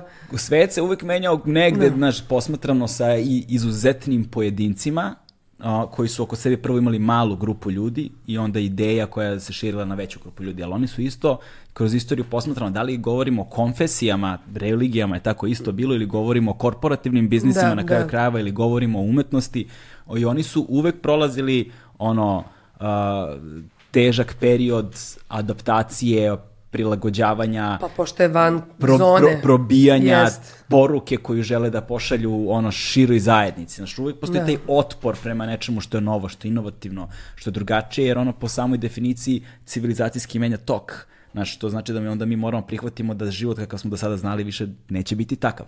Tehnologija najbolji primer. Naš način na koji ljudi imaju otpor prema savremenim tehnologijama, prema ovome, prema onome, kako odjednom je sve u cloudu, sve ovako, svaka sad generacija je najgora generacija koja ikada živela, zato što je drugačija od dosadašnjih životnih ne standarda. možemo, nismo u dopuštanju, što bi se reklo. Tako je, nismo, bravo, nismo u dopuštanju, nego da se mi vratimo, Da, se mi vratimo na Kilimanjaro i na tvoj prvi polumaraton.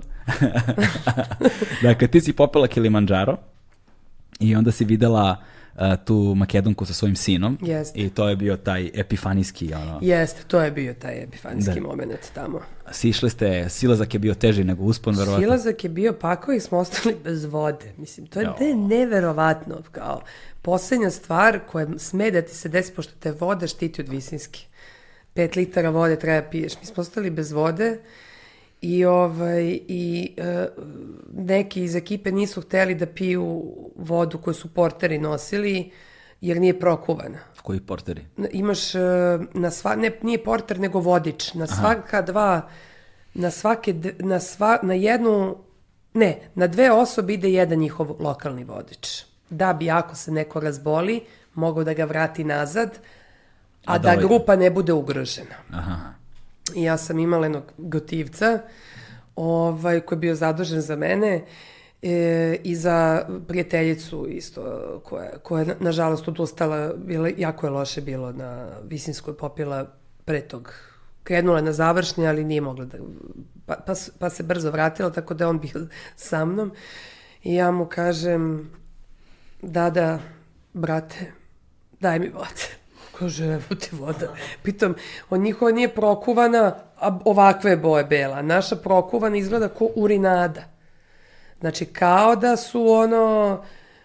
Ja ne znam šta smo Ali mi čekaj, pijeli. da, mislim, u čemu je fora sa tom prokuvanom vodom? Kao, Pa kao zbog ameba, zbog... Aha, kao e, oni, a to oni piju neku izvorsku vodu Izvornu svoju. vodu Aha. piju, mislim, ovaj, ja ovako gledam, da li da umrem od, od visinske ili od amebe, rekao, baš, mi smo se podelili, svi mi smo na kraju, pre nego što sam ja krenula da s njim talim, jer on imao dosta vode, mi smo svi, iz svih naših termosa sipali u jedan i onda uzimali pogutljaj na određeno vreme, koje smo brzo popili. Da, to je corona waiting to happen. Da, ali ti tu, mislim, ali ovo je pitanje života, kako Jasno, ti kažeš. se, da. Svakom slučaju, 33 sata je trajao naš ukupan marš bez odmora. Znači, to je nešto, ja mislim da sam ja aktivirala onaj gen za za preživljavanje, ono, da, da, da se ga nisam potrošila tu česticu u sebi, razumeš, to, to, taj put, tog put, na tom putovanju. to smo se onako jako iscrpeli, ali smo bili presrećni, tako da, eto, to je, mm. to je mislim, ostalo mi kao fenomenalno iskustvo, onako, u životu da ti shvatiš šta je sve zapravo moguće i da. gde se mi sve limitiramo, gde limitacije znači, zapravo ne postoje. Da, dakle, Mislim. znači šta si rekla, dakle, bila je Budva a, leto, april je bio... Daj mi dve polu, čuke po, sama. Da, da, april, je bio, april je bio polumaraton. Da, a kad, februar, februar a pre bio, toga je bio Kilimanjaro. Znači, februar je bio Kilimanjaro. Da. E, i ovaj, vraćaš se sa Kilimanjara i onda kažeš sad ćemo polumaraton. Jest to, mislim... Ka, nastavila si da treniraš za taj polumaraton? Pa nastavila sam, da. kao propustila sam, a ja nemački đak, ono, kao fale mi kao tri nedelje plane programa i kažem sebi nema veze uplaćeno, koliko izdržim, istrčim, uh, istrčaću. Mm -hmm. Pre polumaratona, moja maksimalna distanca koju sam istrčala je bila 10 km. Jedva. Jedva. Isto sam sa Dinom, tom mojom drugaricom, istrčati 10 i mislila sam da ću da umrem. Ovaj, ali kao nema veze, ako pomerim i na 13 na polumaratonu, ja sam zadovoljna. Mm -hmm. Kao eto, međutim, Aleksandra s kojom sam trčala je u fazonu, nema, nema odustajanja, kao, nema, Ja kažem, ali dobro, mislim, evo, 18 km je sad i da dohodam do 21. U limitu sam. Ne, ne, ne smeš da staješ, kada će da ti otiče, nećeš moći kao tu mi krenula nervoza, ovako, rekao, dobro, sta, čekaj, sam stanem na ovu sta, okretnu stanicu vodu, kao, ne, ne, usput, kao. Ja je onako usput uzem onu vodu, gudim, nagutam se, krene se davim i kao, da si mi rekla, kaže, ćeš da se udavim ovdje, onda kažu, pa dobro, bre, šta živčani, stani, popi vode, i tako smo zajedno, nas dve ušle, onda posle sam rekao, izvini, molim te, bila sam ono, od, od teški iscrpljenost, toliko nervozna, ona kaže, ma šta ti, ja, tako i moj bio prvi polumaraton i eto, ali da nije nje kao, eto, mhm. podrške i Dine i prijatelja, pitaj Boga da li bi to, mislim, zato što je stvarno glava tu najvažnija. Da, i nakon polumaratona rešiš da istrčiš triatlon, odnosno da odradiš Kad triatlon. me mama naučila da plivam u 33. Da, godine. ali čekaj, A, ali, o, dakle, ti si učila kraul da plivaš zbog triatlona. Tako je. Ne, ne, ne, ne, ne, ovako. Ovako, čisto, eto, Aha. ako sam naučila trčati, što ne bi naučila da plivam. Onda sam sama po istoj matrici, uh, minut hodanja, minut trčanja, plivala na jazu, minut plivam, minut ono moje. Minut kraul, minut ono moje. I, i shvatila da, da sam ja zapravo super dugoprugaš. Ja nemam onu eksplozivnu snagu u da. smislu, da. makar ne sad u ovim godinama. Ja sam da. trenirala mačevanje i ninjutsu kao dete i tu je, tu je bilo eksplozivnosti, ali ja sam sad fazon, spora sam, žešće, stižem taman negde u okviru limita, ali ću da izdržim. Da, da. I onda to mene zabavlja, eto da vidim, mislim zabavljalo me, evo sad moramo da nađemo nešto novo. Da, da, i čekaj, ali kako si trenirala, dakle trenirala si plivanje, trčanje i bicikl? U biciklo mrzim, zato što sam upala s bajsom za uskrs u, u reku, kad sam imala 7 godina, ono. to, ono, taj znači, havarija, ta, to, pitno to ledeno je bilo, ono, ono, do sante leda su bile te godine, ono, u, za uskrs, katastrofa je bilo. Katastrofa. Dakle, ti si sa triatlonom... Zašto sam upala? Hoćeš da čuješ to? Hoću da čujem. Mačeha me učila kao prvi put došli s mojom malom sestrom u kolicima bila Aleksandra, mislim, polu sestra, mi nemamo polu, nas je šestoro, mi se ne polutamo. Ce, celi smo po, po, po, po liniji toj. Ona u kolicima dete par meseci ima, ja imam sedam godina, nisam znala vozim bajs pa toga i maćeha kao da uhvati da me nauči da vozim na ušću. Došli prvi put u Srbiju oni. I daju mi neku poniku od nekih njihovih prijatelja i ja zaista naučim i već kad onako pa da pada mrak I ja kao dobro znam napred da vidim da li znam slalom, znam slalom, super da vidim da li mogu zatvorenih očiju. I kao sledeće otvaram oči i ja nemam ispod uh, put. Ja letim u reku. Razumeš? Bez kočenja, ništa kontra. Ništa, nikakav kontra, sine. I kao, seća se ono sve brown, razumeš, ono, mutna voda, razumeš i sve. Ja držim se grčevito za ono, sto guvernala zoveš, kako se to zove? Za, za one, za volan, volan ono. Da. I kao, užasno brzo radi mozak u tim situacijama, razumeš? E, uplašila sam se, uplašila sam se, čitala sam tada, moja omiljena knjiga je bila Ali Bauci, ne znam da se sećate te knjige, o našim čudovištima, naše mitologije. Aha. I postoji to neko čudo koje živi u reci našoj, okovanoj, ko upadne, on gapa. I tad sam pustila. Samo mi Karakonđula se zove. Karakonđula. Karakonđula da. mi je bilo ovako u glavi i tad sam pustila volan.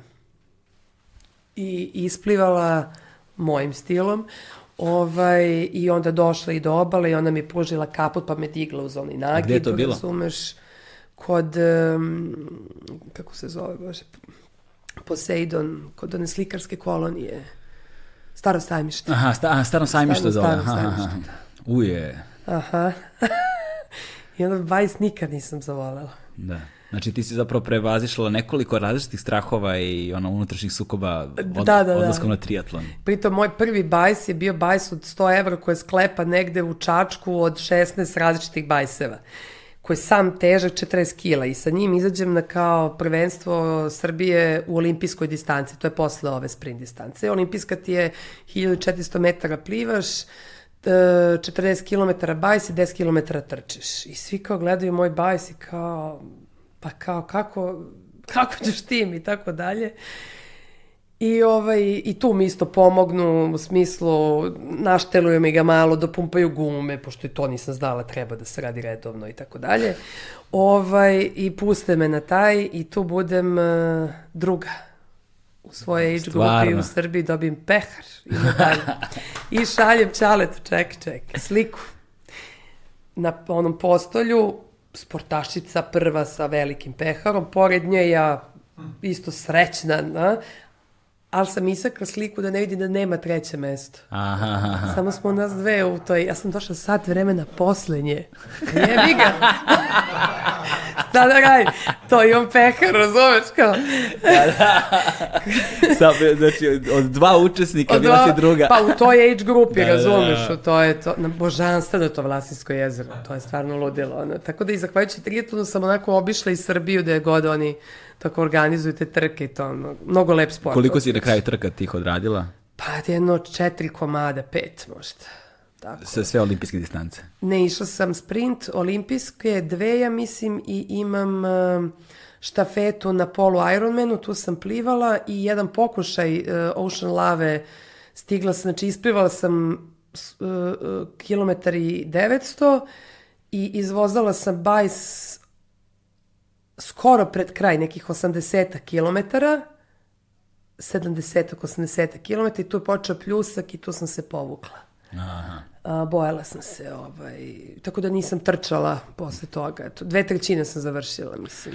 U svakom slučaju isplivala si Ali više nisam znala, slušaj ovo, sad ide, išao trener moj sa mnom, pošto je, on se povredio, nije mogao da pliva, povredio rame, ali mi pravio društvo na bajsu. I sad izlazimo mi iz te, lepo sam isplivala, dobro, dobro mi je bilo vreme, sad ti trčiš do, do tranzicije tu da se preslačiš, da, da sedeš na bajs.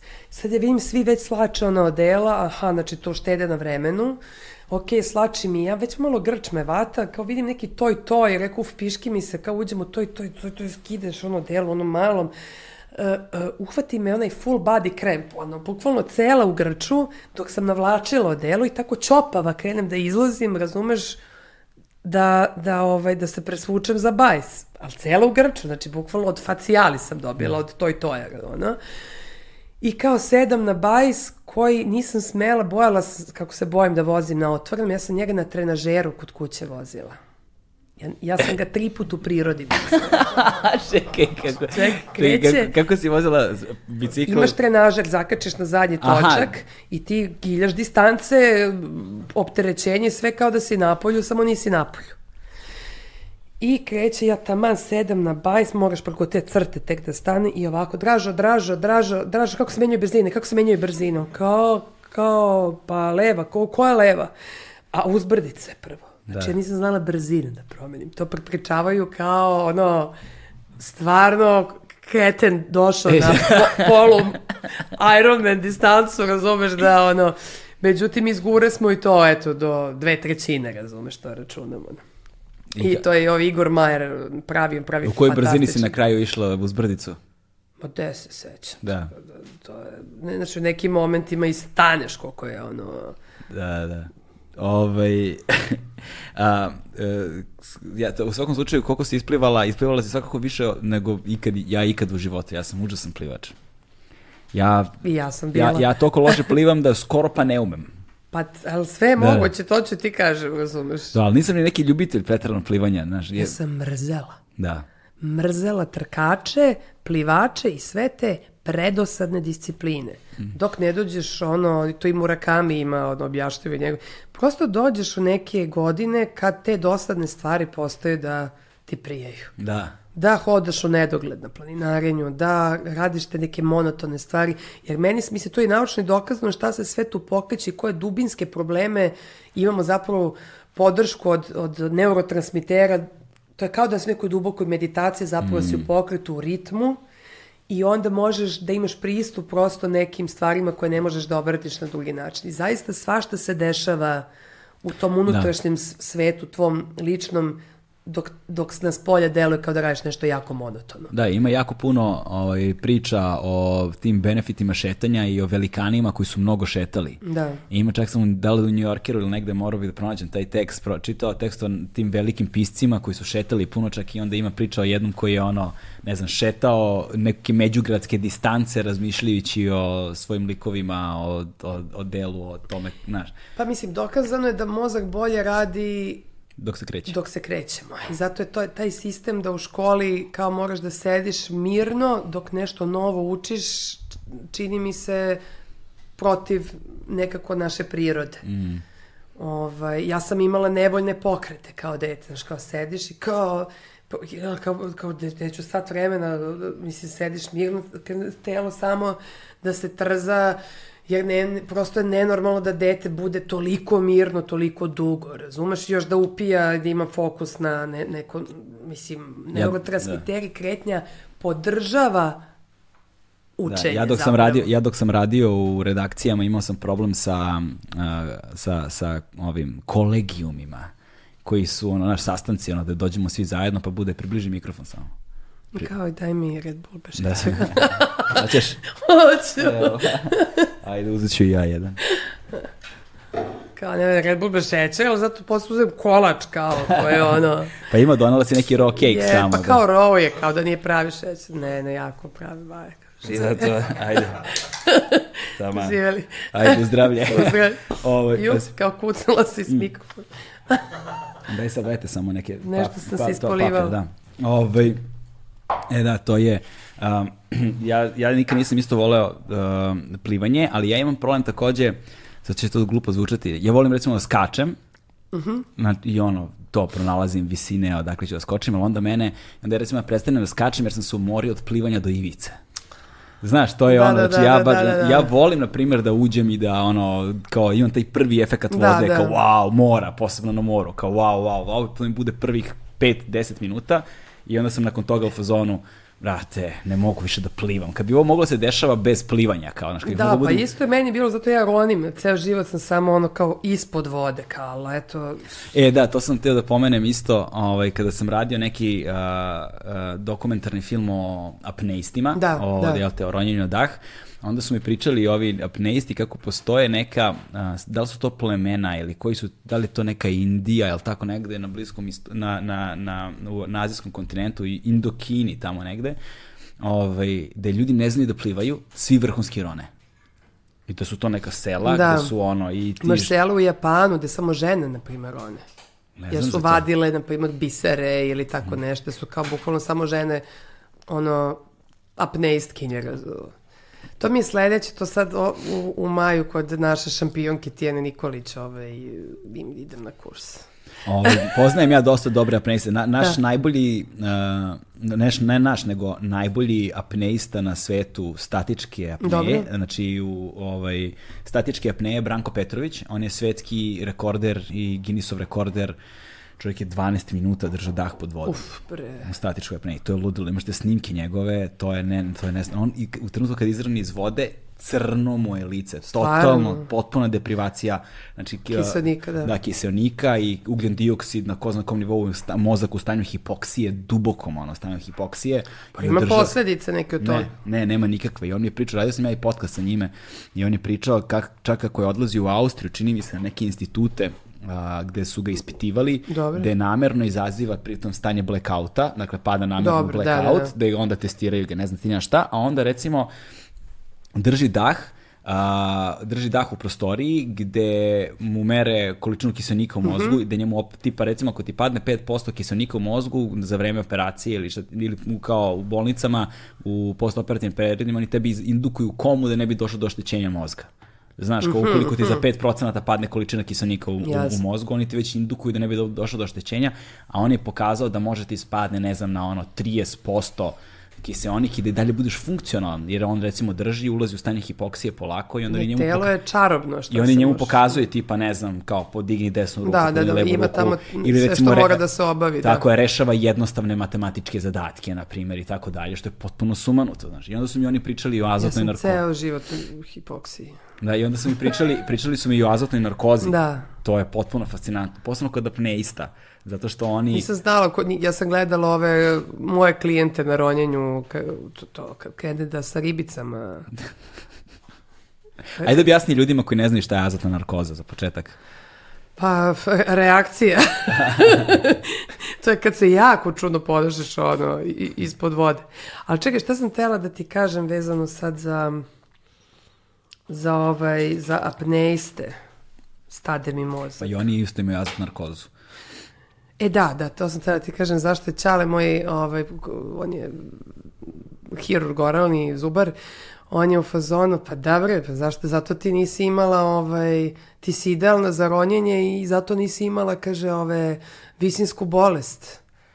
Zato što mozak troši najviše kisonika. A ti si plavošak. Tebe to ništa kaže. Ti si predisponirana za te sportove. gde, gde ne treba da se troši. Gde ne kaže. treba, kao zato ti možeš duboko, mislim, i dugo. Kao. A ovaj, koliko dugo se baviš ronjenjem? S kubom, znači prvi kurs sam završila sa 12 godina na bazenu kad sam živjela u Nemačkoj. A onda sam sa 15 godina 15. 16. 17. i 18. sam par meseci tokom letnjeg perioda provodila na Majorci da sam radila za hranu, smeštaj i kurseve. Oh, ja, to je bila da. valuta. Da, da, da. da. I pa bila za, sam za ljude koji su zaljubljenici pa u to, da, to, da. Da, da, da, radila da. sam za Nije to ni jeftina to. stvar. Pa kursevi su tada bili skupi i zaroni su tada bili skupi i ti kad sad sabereš sve te zarone koje sam ja tamo imao, to je jedan ozbiljan kapital koji mi tad u tom momentu prosto da. ne, bi, ne bismo imali da isfinansiramo. Tako da to je to, taman.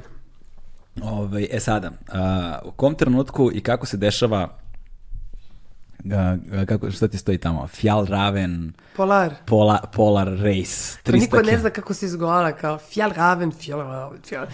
Svi izgovaraju drugačije. Dešava se tako što sam htela čerci svojoj da... Uh, za, kad je to bilo za početak? E, mislim da je to 2018. godina bila. Okay.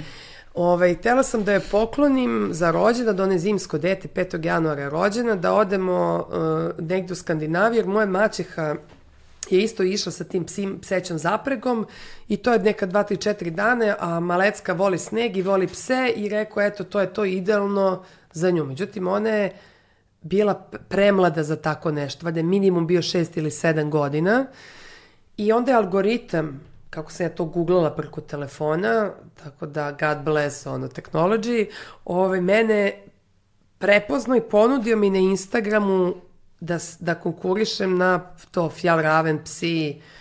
Ja se sećam ovako, gledam, rekao, im, šta je sad ovo, kliknem naravno, i kao ovo može da se prijaviš, možda te izaberu, znaš, kao i prijavim, mislim, prijavim se, ono, za Popuniš aplikaciju. Ono, Popunim ne. aplikaciju, ali ne pošaljem i odem u Chicago na ne, festival srpskog filma. I moja drugarica Maša Dakisa sa klase skapira da je dva, dve nedelje već traje kam, kampanja za traženje glasova a da ja nisam to poslala. A ja sam razumela da treba poš, pošaljem tek datum kad se to završava. Aha. Sve sam pogrešno razumela. I onda je ona ušla, ovako, sad ću ja da te snim, ona je inače divi me se kako je ono predu, preduzimljiva, ona je ovako ušla u radnju Fjall Ravena, to smo našli u Čikagu, i rekla sad, sad snimi, sad kaže šta bih ti htela, kako se predstavljaš, ovo, ono, snimila me, poslali i, i tako je, i onda sam krenula tek u kampanju da, da pridobijem glasove se na osnovu, oni su podelili svet na deset grupa, i po dve, dvoje iz svake grupe dobijaju mesto, mm -hmm. znači 20 ljudi iz celog sveta. E, prvi dobija ko skupi najviše glasova, a drugi žiri bira ne zna se na osnovu kojih kriterijuma. Imaju pravo koga god hoće. Okay. I ja sam pripala centralnoj Evropi i klala sam se sa Mađaricom i sa Rumunom. Uspela sam dođem do trećeg mesta, ali kako su oni imali stvarno prednost u dve nedelje, Ovaj, nisam uspela da ih stignem sa glasovima i već sam bila odustala. Da. Sećam se, onda sam otišla planinarim u Indoneziju na neki bromo vulkan, sećam se toga. Ti samo gomilaš te stvari između svake akcije. Kao bilo nekad od ova pandemija me, ah, ali nema veze. E, to objašnjenje za stanje u kojem se pa nalaziš. Pa da, da, ne, to je, ne mogu se kreći. Ali nije to samo tvoja situacija sa tobom. Razgovarao si ja sa ljudima, o, koliko god da mi ono habituiramo, koliko god da se navikavamo na ove okolnosti, koliko god da... Neprirodne su. Neprirodne da. su, radikalne yes. su i posledice ovoga psihičke, fizičke, ono, dugoročne, društvene, tek ćemo da osetimo, da. znaš. Tek će neke, ono, tek će neka naknadna pamet da nam objasni pa godinama znam, kasnije da, u čemu smo ja svesna isto svega, sem što vidim po telu, moje telo je popolno drugačije, razumeš, da. moje raspoloženje nije na onom nivou na kom je inače, ali, ali okej, okay, kao funkcionalni smo, nema da. veze. I, uh... I na tamo, tada sam sa tadašnjim dečkom, sećam se, peli smo taj ove, bro, Bromo, je, mislim se zvao vulkan. Gde to? Ovaj, u, na Javi, u Indoneziji. I, I stiže od njegovog ortaka da su na lajvu me ipak izabrali da budem deo kao te, to je najekskluzivnija ekspedicija, zapravo mnogo manje ljudi je uspelo da je završi nego Evere što su popeli. Jer ne možeš da uđeš bilo kako, ne možeš da platiš, nego oni biraju.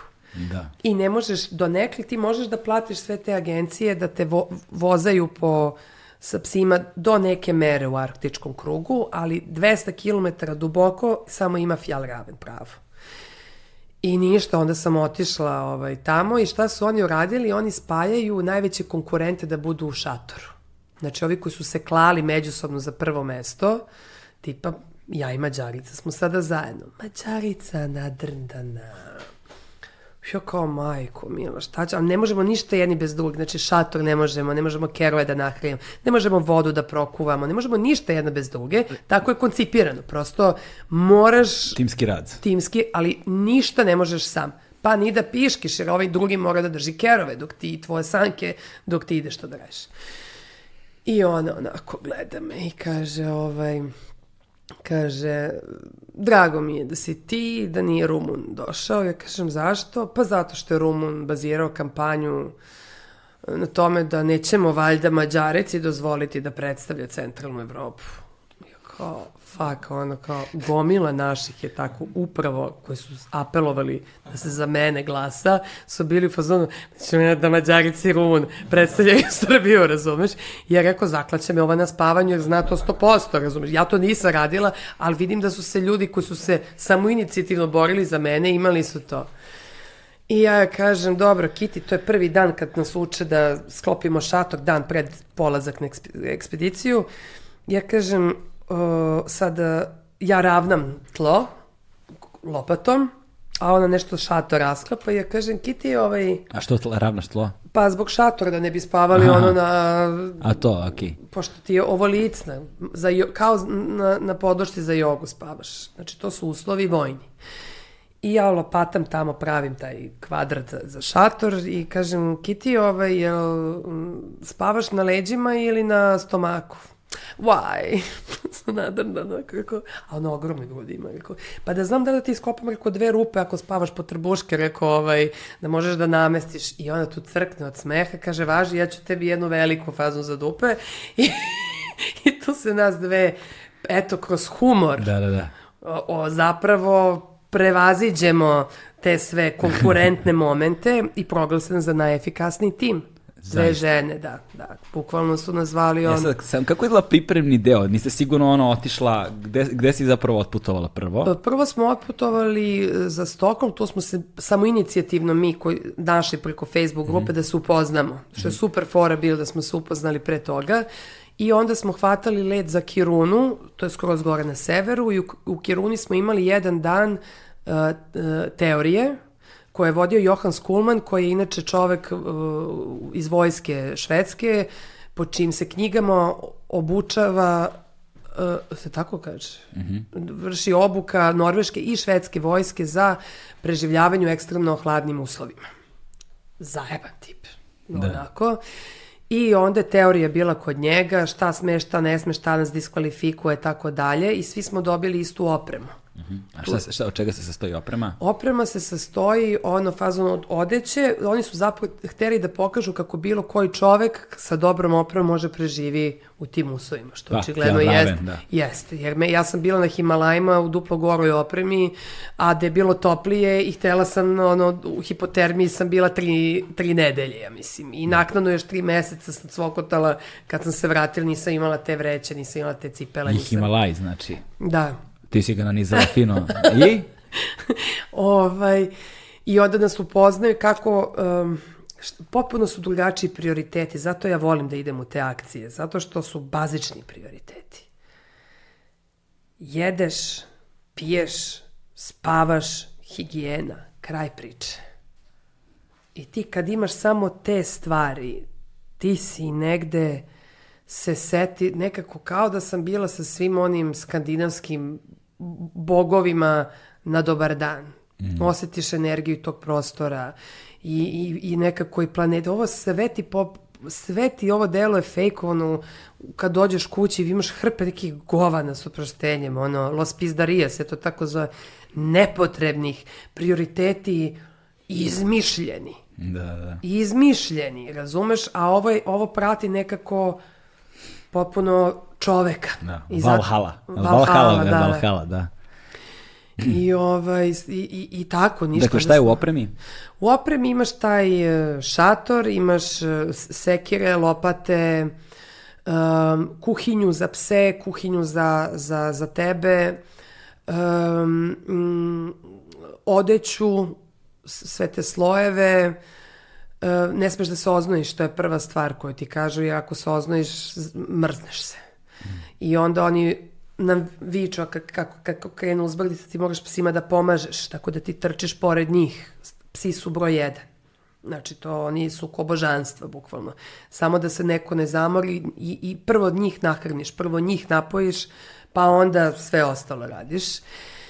I ovaj, i onda samo neko drekne ono, reinforcement, i onda skidaš brzo jaknu kad vidiš da ide uzbrdica, se ne bi oznojio, kao, ali genije, an idiot abroad, je uspeo prvog dana da ne zatvorim dobro ovo sa vodom i da prospem po vreći za spavanje. Sad zamisli ti na minus 26, imaš mokru vreću, nemaš drugu. Ne, nemaš drugu prosto. I onda su me naučili, ja već onu paranoj gotovo, sad će me vrate, diskvalifikacija. I onda su me naučili da samo sam morala duže da ostanem budna, dok se nije zaledila vreća. Čekali smo noć da se skroz zaledi vreća i kad se vreća zaledi ti streseš te ledi lepo, uđeš unutra i spavaš. Mislim, svake nekakve tako cake naučiš kako pališ vatru, kako ovo na ono. Mislim, stvarno smo funkcionisali onako tim bazičnim mm. momentima i ti nemaš minut pauze, ti radiš sve vreme. Kad te vide da ne radiš nešto što je po planu, onda si dužan da pomogneš drugom timu koji se možda ne snalazi. Da, da, da. I tako dalje. A koliko pasa ste imale vas dve? Uh, svaka po šest. Ti šest i ona šest Da, pasa, znači da. 12 pasa zajedno Da, imate. da. A, koji su psi? Husky, šta je? Husky, ali, ali oni, ona vrsta haske koji izgledaju zapravo kao lajke. Aha. Uopšte ne liče na, na haske. Sad imaš te sibirske i saljaske. Sad ovi su, ja mislim, ti, ti koji ne liče na, na vukove, na, na haske. Da, da. Rekao bi čovek ne bi ovaj, po, mogo ništa da povuče, a oni, ne možeš da ih zaustaviš, oni on, oni samo žele da trče. Da, da, da. Ti ne možeš da ukočiš sa njima, bukvalno to je... E, ali imaš te kontrole, ono, kočenje i to. Znam da, ima, Imaš. znam da te sanke imaju kočnice neke, to sam video. Imaš, e, imaš pa baciš i sidro, pa ako slučajno razumeš te nešto desi i da kreneš da padaš, uh, oni nastavljaju, oni neće da stanu. Onda moraš nekako i sanke da oboriš na na bok, e onda ne mogu da ih vuku, onda oni, oni stanu. Mislim, ima tu puno stvari koje moraju da se da se I, I kako gajiš odnos sa psima? Mislim, je li, kao, je li ima nekih pravila? Je ono, Mene su svi zezali, ali kad su pauze, psi su u fazonu, e, e, pogotovo ova prva dva, oni su alfice, ova Da, da. prva dva, ovi su kao slabiji, manje dominantni, ajde da kažemo, ove, u, u drugom i trećem redu. I tako ti kad praviš pauzu za ručak, samo se to čuje, e, oni se nešto drve, krve, ovo. Ove A alfa dve. moji, moji rade na reprodukciji. Da, Kad god smo stali, oni su bili, ja kažem, evo moj psijek, to, to je kako širiš energiju, tako, tako se i prenosi. su me svi zezali kao ono, hipi komuna sa mojim kerovima. koliko ste bili, koliko je to trajalo? To ste 300 km prešli, je li tako? 300 od eh, Tromza do Kirune, da. Išli smo starim putem sami naroda. Ovaj, e, I to je trajalo nekih sedam dana, čini mi se. To zvuči kao malo, meni je bilo ono, jo, samo sedam dana. Me- nema ko nije plakao kad je prošao kroz cilj. Da, da. Ali ne, mi smo suze ronili. Bukvalno smo suze ronili onako koliko je bilo i teško i izazovno i naporno i prelepo. Mislim, to je stvarno E, još jedna stvar, Idiot Abroad.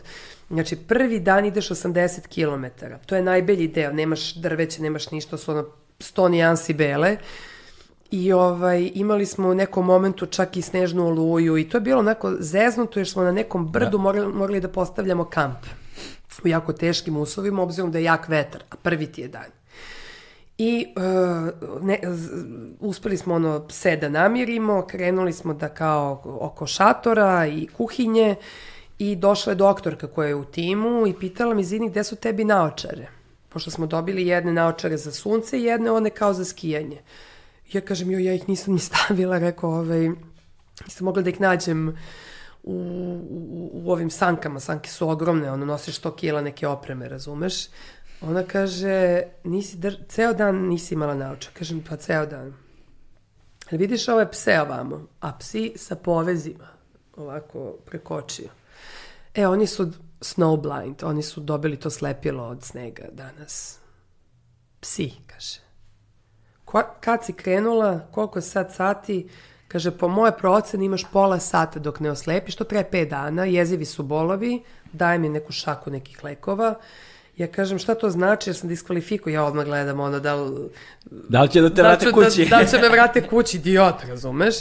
Ona kaže, pa kao, vratit ćemo te, šta drugo, kaže, jezivi su bolovi, jedino što možeš da uradiš je da, eto, ove painkillere, ništa drugo ne može da ti ubrza proces. Da. I ja kažem Mađarici, ništa, imamo pola sata da dignemo kamp, ajmo. Rekao ono da je pomognem, da, sam, što, što pre da dignemo, ali ova ne može bez mene, nema ko da je pomogne. I ništa, nas dve mega brzo dižemo kamp, ovo ono, i, i nahrlimo pse, nahrlimo sebe, pomognemo i Grku i ovo, nisu uspeli da upale kuhinju ovoj Portugalki, namirimo sve, sredimo čak i za sutradan i obezbedimo ono gde šta stoji za kerove, legnemo u vreće i čekam da slepim čekam sad kad će počne, razumeš? I krenem tu da radimo neke razne od energetske tehnike koje sam umeđu vremenu naučila, razumeš? I kao sve da otpuštam, otkazujem, da ono regenerišem, razumeš? Sve kao što nemam, nemam druge alate sem tih. Da. Budim se ujutru ništa, nemam bolove, vidim odlično, međutim krenem da tapkam ovu mađaricu i kao napipam i kao Kiti pomozi mi, ona mi pomogne, daj mi da ovo hranu, ona mi da hranu, skuva mi celo, onaj porič mi ona napravi, razumeš, ovo ono i tek je posle pola sata kažem da vidim. Htjela je da me zadavi. Da koristim, ono, kao sve vreme, kao slepa sam, kao, pomogu sve najnormalnije, bože moj, ono, Jo, pošalji glumicu, vrate, na artič, u artički krug i eto šta dobiješ.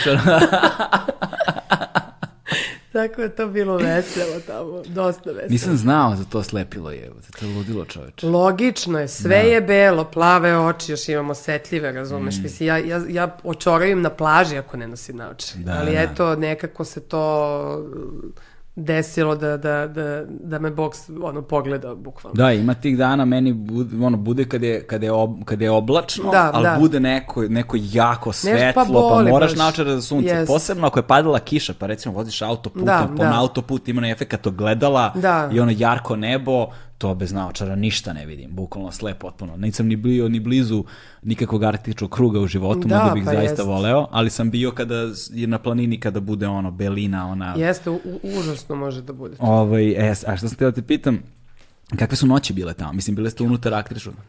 Noći su tri noći, od tih šest ili sedam noći koliko je bilo, smo imali Aurora Borealis. Ja, to mi je životna želja da vidim. Pritom smo poslednju noć spavali van šatora. Znači, samo smo se ukopali u toliko, na primjer, pola metra smo napravili kvadrat, tako da tačno kako ide vetar ne ide po tebi, tako su nas nešto učili. I onda smo legli na podlošku i legli u tu vreću i samo se čule iz svakih rupa ono kao wow, yeah. wow, da li te to uspavljuje? Čekaj, Gledaš Auroru Borealis. Koliko je svetla Aurora? Kako misliš koliko? Mislim, pa, ne, znaš, znam sa, sa video snimaka, sa ono dokumentarnih, sa filmova i to, koliko je ona zaista ja, jarka, jaka. Ona igra. Da, znam, ali... Ona igra sve vreme, pa neka bude jača, nekad da. slabija, Aha, da. nekad, da. znaš, onako je... Ali ono osvetljava okruženje kao fino ili, znaš, ili kao mesečeva svetlost jako ili je slabija ili jača, nemam predstavu. Pa ne znam da, da, da li šalje ko mesečeva, da. ali ovaj, ali mislim fascinantno je potpuno mm. kako to ono čarolija uživo bukvalno. I traje celu noć. Ne. Nego? Ona se pojavljuje i nestaje, tako je, baš je, mi smo bili u periodu kada je nije bilo. Mm -hmm. Nije predvi, mislim, ne možeš nju ni da predvidiš, ne znam kako, ali ima kao kojih meseci. Tako da smo baš bili ono počastovani, što što nam se ukazala, ono, tri noći čoveče. To tri noći za redom. Da, da. Wow, čoveče, neverovatno. Znaš, i spavate na otvorenom unutar arktičkog kruga, a, yes. a, ovaj, a, dne, radno, a dne, dan i noć, smenjivanje... Normalno je bilo. Sve normalno, normalno bilo, smo a? spavali, da. Da, čoveče, fascinantno. I sedam dana toga. Sedam dana. A šta ste klopali? Klopali smo uh, neku vojnu hranu norveške vojske koja je neka freeze dried food, znači to ti ono burrito mm. fazu. Naliješ karbonara. Znači sve gotova jela, samo prokuvaš vodu, naliješ, to je preukusno je bilo. Tako da je klopa je vrhunska. I oni su bili jako ponosni što su eto, uspeli to da nam obezbede tu vrstu hrane. I, da, da niste morali one kako zove one energy barove i slične stvari. Pa to da... imaš, to smo potrpali po džepovima, imaš i te i slatkiše i one beef jerkies i ne znam nije mm. šta, razumeš, to ti stoje, ali kao obroci, kao obroci su vrhunski. Mislim, stvarno nisi nemaš ono neki survival moment fazom da. kao jadna, gladna i pritom 4500 kalorije dnevne minimalan unos na tim temperaturama. Da, da, da. To je, to je, to je fora. A kako vam je okruženje bilo, kako su se smijeli? Znači nije bio samo sneg sve vreme, nego ste imali verovatno i Kako borož. gde? Mislim, prvih par dana nema ništa, sve je belo. Ja kažem, sam videla leptira, rekli su mi da haluciniram od, da sam dehidrirala bilo dehidrirala sam jedan dan, izgledala sam kao kornjač. Da nisam znala da se, da otekneš od, od manjka vode, razumeš, pa kao kornjač. Ovaj, jer sam prvo dok sam pse napojila, prosulo mi se opet voda i tako dalje, mislim, ono. Koliko ti se tačno puta prosula? Dva put mi se prosula voda. Dva put. Ne, još nešto sam bila zeznula, ali ovaj smo preživeli nekako, ono, ne, neki fail sam imala isto. Da. Ali smo zataškali. Ali ovaj, a, halucinacije si imala? Nisam se što su me ložili da sam ishalucinirala leptir koji sam posle googlala i našla baš te naranđaste arktičke leptire. Znači, videla sam ono nešto što niko drugi nije video, eto. Kao, da, to je... imala si sreće da vidiš. Sreće, da. Imala si sreće da vidiš. A Himalaj? Himalaji mi niš, nešto nije, nije, nije mi to, nešto, ja sam ono fan Marti Misterije faza. I ono, him, moj motiv za odlazak na Himalaje je odrastanje na Marti Misterije, razumeš, i na njegu, gde su svi ti Shangri-Laovi koje on opisuje i tako dalje. Međutim, to je toliko turistički. Ja sam zamišljala Himalaje, ono, kao što sam i ovaj Fjal Raven zamišljala, ću čuti samo sanke i gerove, A onda imam Grka koja se reka da kafe se reka da se da live. Eka reka da moja sestra, on nije usta zatvorio, sin sedam dana se snimao. Ja nisam čula p od prirode, razumeš? E, ono, ubio nas je čovjek u pojem potpuno. Divan tip, ali prosto se nije zaustavio. Da. Nije se, ono, dok mu na kraju mu, ono, Mađar jedan još je ušao koji je zapravo finac. Eko mu je dosta, bre, više, kao stani, ne, ono, ne čujemo misao svoju od tebe. On je blesav ti bio. E tako i na, na Himalajima ti vidiš to je reka ljudi koji ide gore dole. Reka, tu ništa od ono, ne dobiješ onu vrstu, moje, moje očekivanja su bila zapravo e, pogrešna, je tako kaže, ja sam očekivala neku, ono da smo sami negde. Znaš, da kao divljina, a u stvari prođeš pored hiljade ljudi svakog dana koji idu gore, dole, ono, vergleju nemački, engleski, Autoput, brate. autoput, brate, i tri nedelje jedno te isto, što bi rekao Rambo, jedno te isto, te jedno te isto. I onda je to monotono onako, Da. znaš. A gde si se, koji ti je uspon bio, dokle si išli? Išli smo do, uh, deo ekipe je Peo Island Peak koja je na 6180 nešto metri, Mhm. skoro 6200, a deo ekipe je otišao do baznog kampa Island Peaka koja je negde na 5600 Da, čini 5, mi 6, se. tako da. da. Tu sam imala, ja sam po, do, dobila inače klaustrofobiju na ovom Fjallravenu prve noći u vreći. To je, ovaj, sećam se, ni- nismo imali domet nigde, a svu tehniku smo držali u vreći da ne bi baterije curile na toj hladnoći. Znači, E, a bio nam je, ovaj, izvini što te prekidam, Da. bio nam je Peđa Vučković, uh, fo- Re- Re- Red? Bullov, Red Bullov fotograf, Da, da. koji je išao na tako, te, on, te ekspedicije Da, da. silne i odlazio je to onda ne, nigde niko nikad Da, da, nije da. bio i te fore i on nam je rekao da se zapravo baterijama ništa nije des- desilo. Ja se sećam da je on prve dve, tri noći tako nešto spavao sa I- baterijama da. I da je bio u fazonu ne mogu više, Ne, pa nek grozno je. pocrkaju baterije. razumeš? I ostavio ih i sutradan ustao i ništa im nije bilo. I kad je to skapirao bio u fazonu, sva oprema spava na polju. Pa ne znam, meni su crkavale kad Da. uključim GoPro, baš ga posisa, na primer, da. od hladnoće. Ne znam, možda ima... Sad zavisi koje baterije možda, znaš. Ovo je baš ekstremna hladnoća, ne znam sad I možda... ovdje on bio je baš ekstremno Užasno isto. je da. puna ti je vreća ono ovih kako se eksternih ba- baterija, kamera i sad nema dometa uopšte i sad meni u neko, tamo smo legle spavamo, to je prva noć ova Kitty i ja, E, inače ti je mm, vreća takva da ti se zatvara do ovde. Znači ti imaš samo ovaj deo koji je inače u veštačkom krznu. Znači ti ne vidiš ništa. Samo dišeš kroz veštačko krzno se ne bi zaledio. I tako se mi zatvorimo. I meni zazvoni telefon, nekako se uključi. I sad krene akcija, ona, ovaj rad kao tražim ga, znaš, uspem ovo da uradim. Ovako, dečko me zvao tadašnji i kao, hej, kao jeste dobro, ja kao jesmo. I te sekunde me uhvati panični napad. To mi se u životu nije desilo. Znači da u sekundi me uhvati panična što je mogu se pomerim. I to je zvučalo ovako, da, da, jesmo, help, help, help, help. Ne. I prekine se veza. I mađarica me otkopče kao, znaš kao, nisam mogla se pomerim. Da, da, da. Tri dana nemam domet. A ovaj, Kaže, ovo si sad uradila i nikad više. Znači, čao, čao, ne znam gde si, help, help, help, tri dana ne mogu te dobijem. Kao, ja rekao, izvini, molim te, uhvatio me panični napad, rekao, i od tada imam problem, klaustrofobija, na primjer, kad mi skidaju sporo kostim. I zaglavi mi se ruke. Samo zato, ha, ha, ha, požuri, požuri, požuri, požuri. Evo ga, diže se, diže se, diže se. Nema od malog prostora, nego od nemogućnosti pomeranje. pomeranja. Eto, to Da. sam, to je eto moj jedan mali dar sa Fjallraven Polar ekspedicije, razumiješ, koju sam Tako donela mo- tako, kući. je, tako je moja čerkica, kad je svlačim preko Da. glave, kad su ruke ovde, kad se To zarobi, je, da. a onda ona krene da cima glavom da, u strahu, Pa a onda time se teže svlači. Svlači, jeste, pa da, da, da. I na stvar ode dođevola odmah. Jest, Da. pa jest. Neverovatno.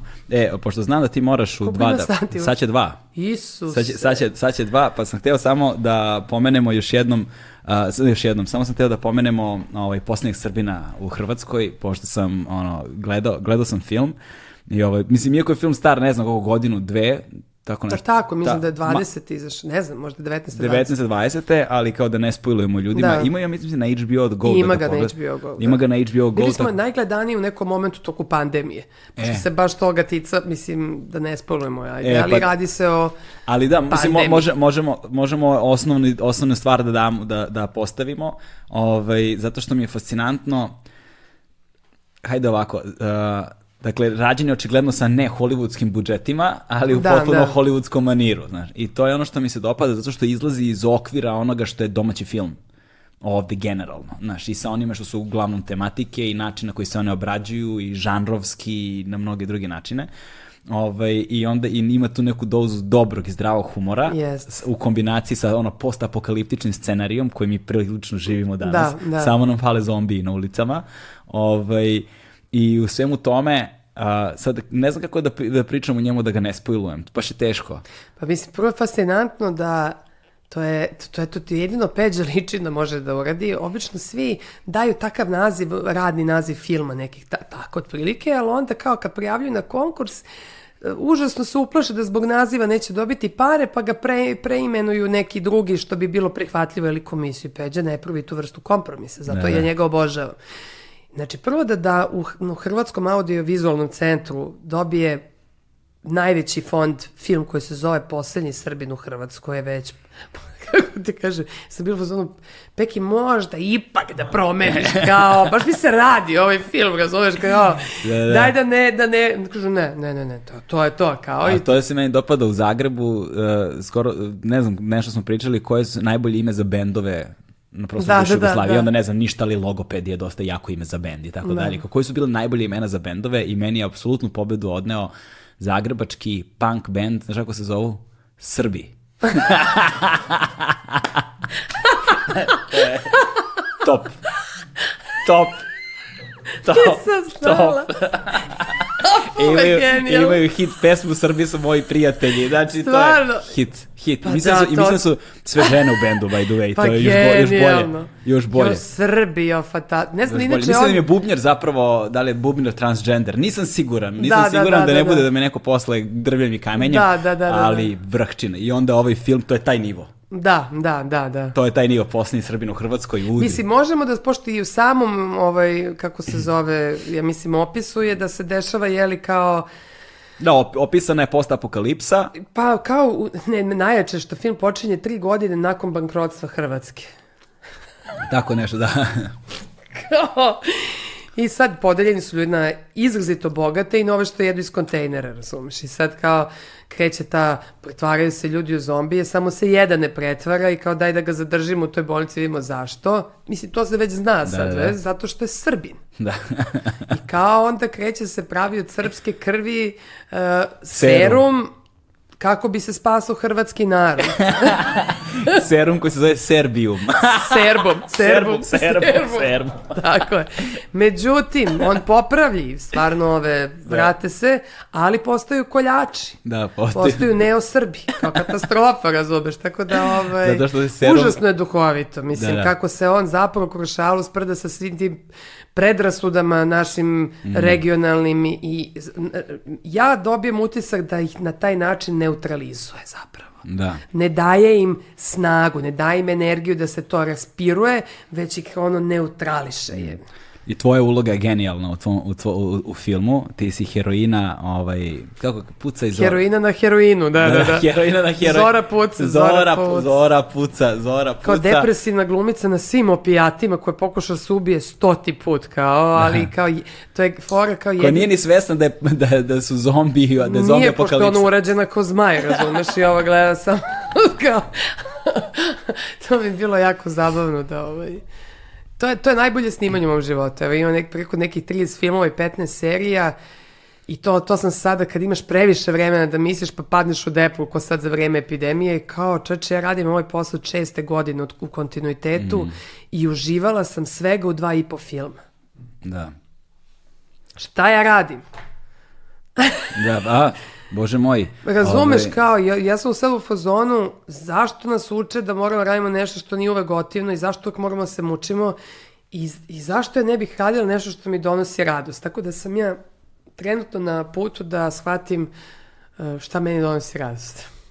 Ko zna šta te čeka iza ćoška, znaš, da. sa, sa životom ne možeš nikada znaš. I s druge strane, i taj put, mislim da je važno i raditi i stvari koje ne voliš i stvari koje su dosadne i monotone da probijaš kroz njih jer na kraju ti ipak čeka neka nagrada. Sva ova tvoja Pa iskustva to su da, upravo da. to, znaš. Nije sigurno bilo ni jednostavno, a ni uvek najzabavnije ići na te uspone, znaš, ali jednom kada ih savladaš, ili taj bicikl i, i, i to trčanje, znaš, nije ni to, znaš, nije ti na 17. kilometru zabavno. Ne, ne, da, nikako. To je ta kriza, taj To je- 17. i 18. To, to- je kad to. hoćeš da odustaneš. Znaš, tako da, ovaj, ali onda probiješ nekako kroz to i mislim da u ovom poslu generalno, posebno u javnom, dom, u, u, kada, kada tvoj posao ima negde i tu dimenziju javnog, je važno da opet, što kažeš, traješ, znači da nisi se prodala u bescenje, da nisi donala pogrešne odluke, da A si donosiš prebrodila... pro- pogrešne odluke Da. stalno i stalno i sad često, znaš šta, ti u ovom poslu nemaš luksus da biraš koje ćeš stvari da radiš. Mm. To je ono što meni najviše smeta. I onda sam ja stalno u fazonu, pa dobro, reći ću čerci, pa mama je to snimala za vreme pandemije. Znaš, tako što su nama radili, pa to je bilo za vreme rata. Da, Znaš, da. kao morao si ovo, morao si ono.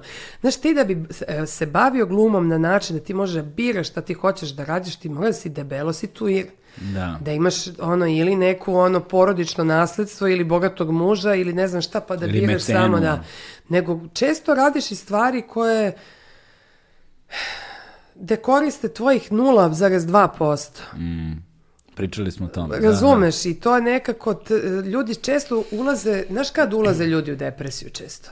Kad ne koriste svoje potencijali, kapacitete. Nego kad ih i onda su nesreći jer se ne, to ko kera kad ne istrčiš, razumeš, on poludi.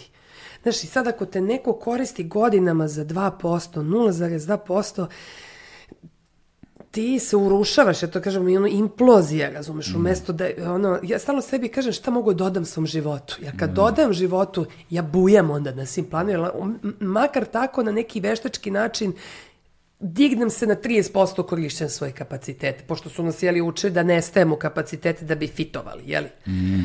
Ne daj Bože staneš u sve kapacitete, bit ćeš previše intenzivan nekom, bit ćeš e, ne znam kakav, onakav, nećete skapirati, bit ćeš odbačen i to ne najgori ljudski strahovi da ne budeš odbačen zapravo, znaš. Da. Ovaj, tako da, eto, meni to fali da prosto, ono, s- da krenu da nas, da, da, da dođu neki blesavi reditelji koji više rizikuju, razumeš, i da nas koriste u nekim većim našim kapaci, po- potencijalima, razumeš, eto, to mi fali, ono, u mom svetu. Pa da, naš Zato ma- sam se smorila, eto, iskreno. Pa ja, zato je meni ovaj film i fascinantan. Kao daj ono tvoje, kao. Da. A je, pa to kao imam ga, ono, dosadno mi to. Da, recimo, da, to, to je, to je princip po kojem recimo ova zapadna Da. ono, hollywoodska produkcija u velikoj meri funkcioniše. Ti O, si da. ono action, ono i samo to si, znaš, ili od ovi ti si crazy Russian i onda svi naši su crazy Russian su pičko materino jebote, znaš. Pa jest, mislim, ja sam imala tu sreću da su meni četiri filma izašli u isto vreme kad sam počela da radim i sva četiri su drugačije, tako da nisu me stavili samo u fah odlične komičarke, nego i kao dobre dramske glumice. I onda meni daju i jednu i drugu. Ali sad kad je krenula hiperprodukcija serije i tako dalje, to je ono uvek kao glumac, ajmo nešto smešno. Kao. Da, da, da, da. A to je ono što je negdje ukanalilo dosta A nije mi više ni kinematografije. smešno to što pišu. Da, da, da, da, da, da. To je posebna kategorija. Razumeš, baš mi nije smešno. Da. Znaš, tako da ono, ne znam, ono, vide, mislim, mora malo da se uredi i to kako sad funkcioniše ta hiperprodukcija, čisto da, da nas ne zanemare u potpunosti kao... Da, ovo je nezapamćeno vreme produkcijski posmatrano, Da. mislim, barem... Fenomen je. Barem u na, Jest. što se naše generacije Da, tiče, da. za našega života, ovakva hiperprodukcija, ne pamtim da se Da. desila od, od kako mi znamo za sebe. I ona jeste donala dosta toga dobrog, tržišno je negde podigla cene radnicima, koliko sam ja skapirao, barem... Ne, oborila je, Oborila je. oborila. Hm. Mislim, za ljude koje, koje ja znam, ono... Ja ti govorim o glumcima. A, a ja ne, ne, o glumcima ne znam, za glumce ne znam, da, za glumce ne znam, nego govorim ono, tonci, montažeri, Njih je podigla strana, strane e, produkcije. tako je, da, da, da, da, Njih strane. je to podigla to što ljudi prosto imaju mnogo bolje uslove i onda neće da rade više za ove pare, pošto je I ne popularno. možeš da ih nađeš, pošto A su mi svi kontra, kapaciteti. jer, je, jer nas je sad pa premnogo, onda glumci rade bud zašto samo da bi počeli da rade. Da, da, da, da. Ne mogu da tu osuđujem, prosuđujem nikoga, ono, svako gleda na, na meni da ću radim za te pare ili neću da radim za te pare, ali su cene dosta snižene. Mm -hmm. Razumeš, to je, to je, to je isto jedan od, od posledica ove hiperprodukcije.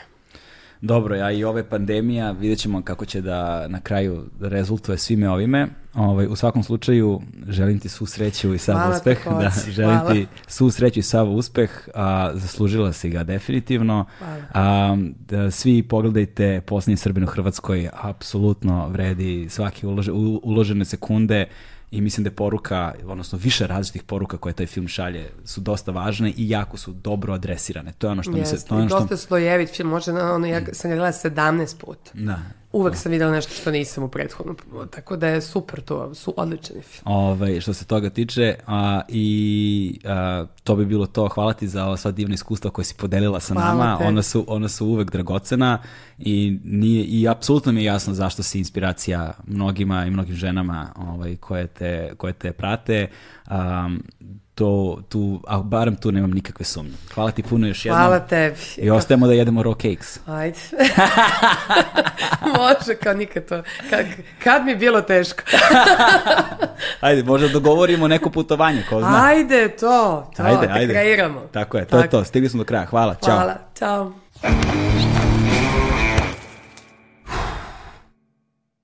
Hmm.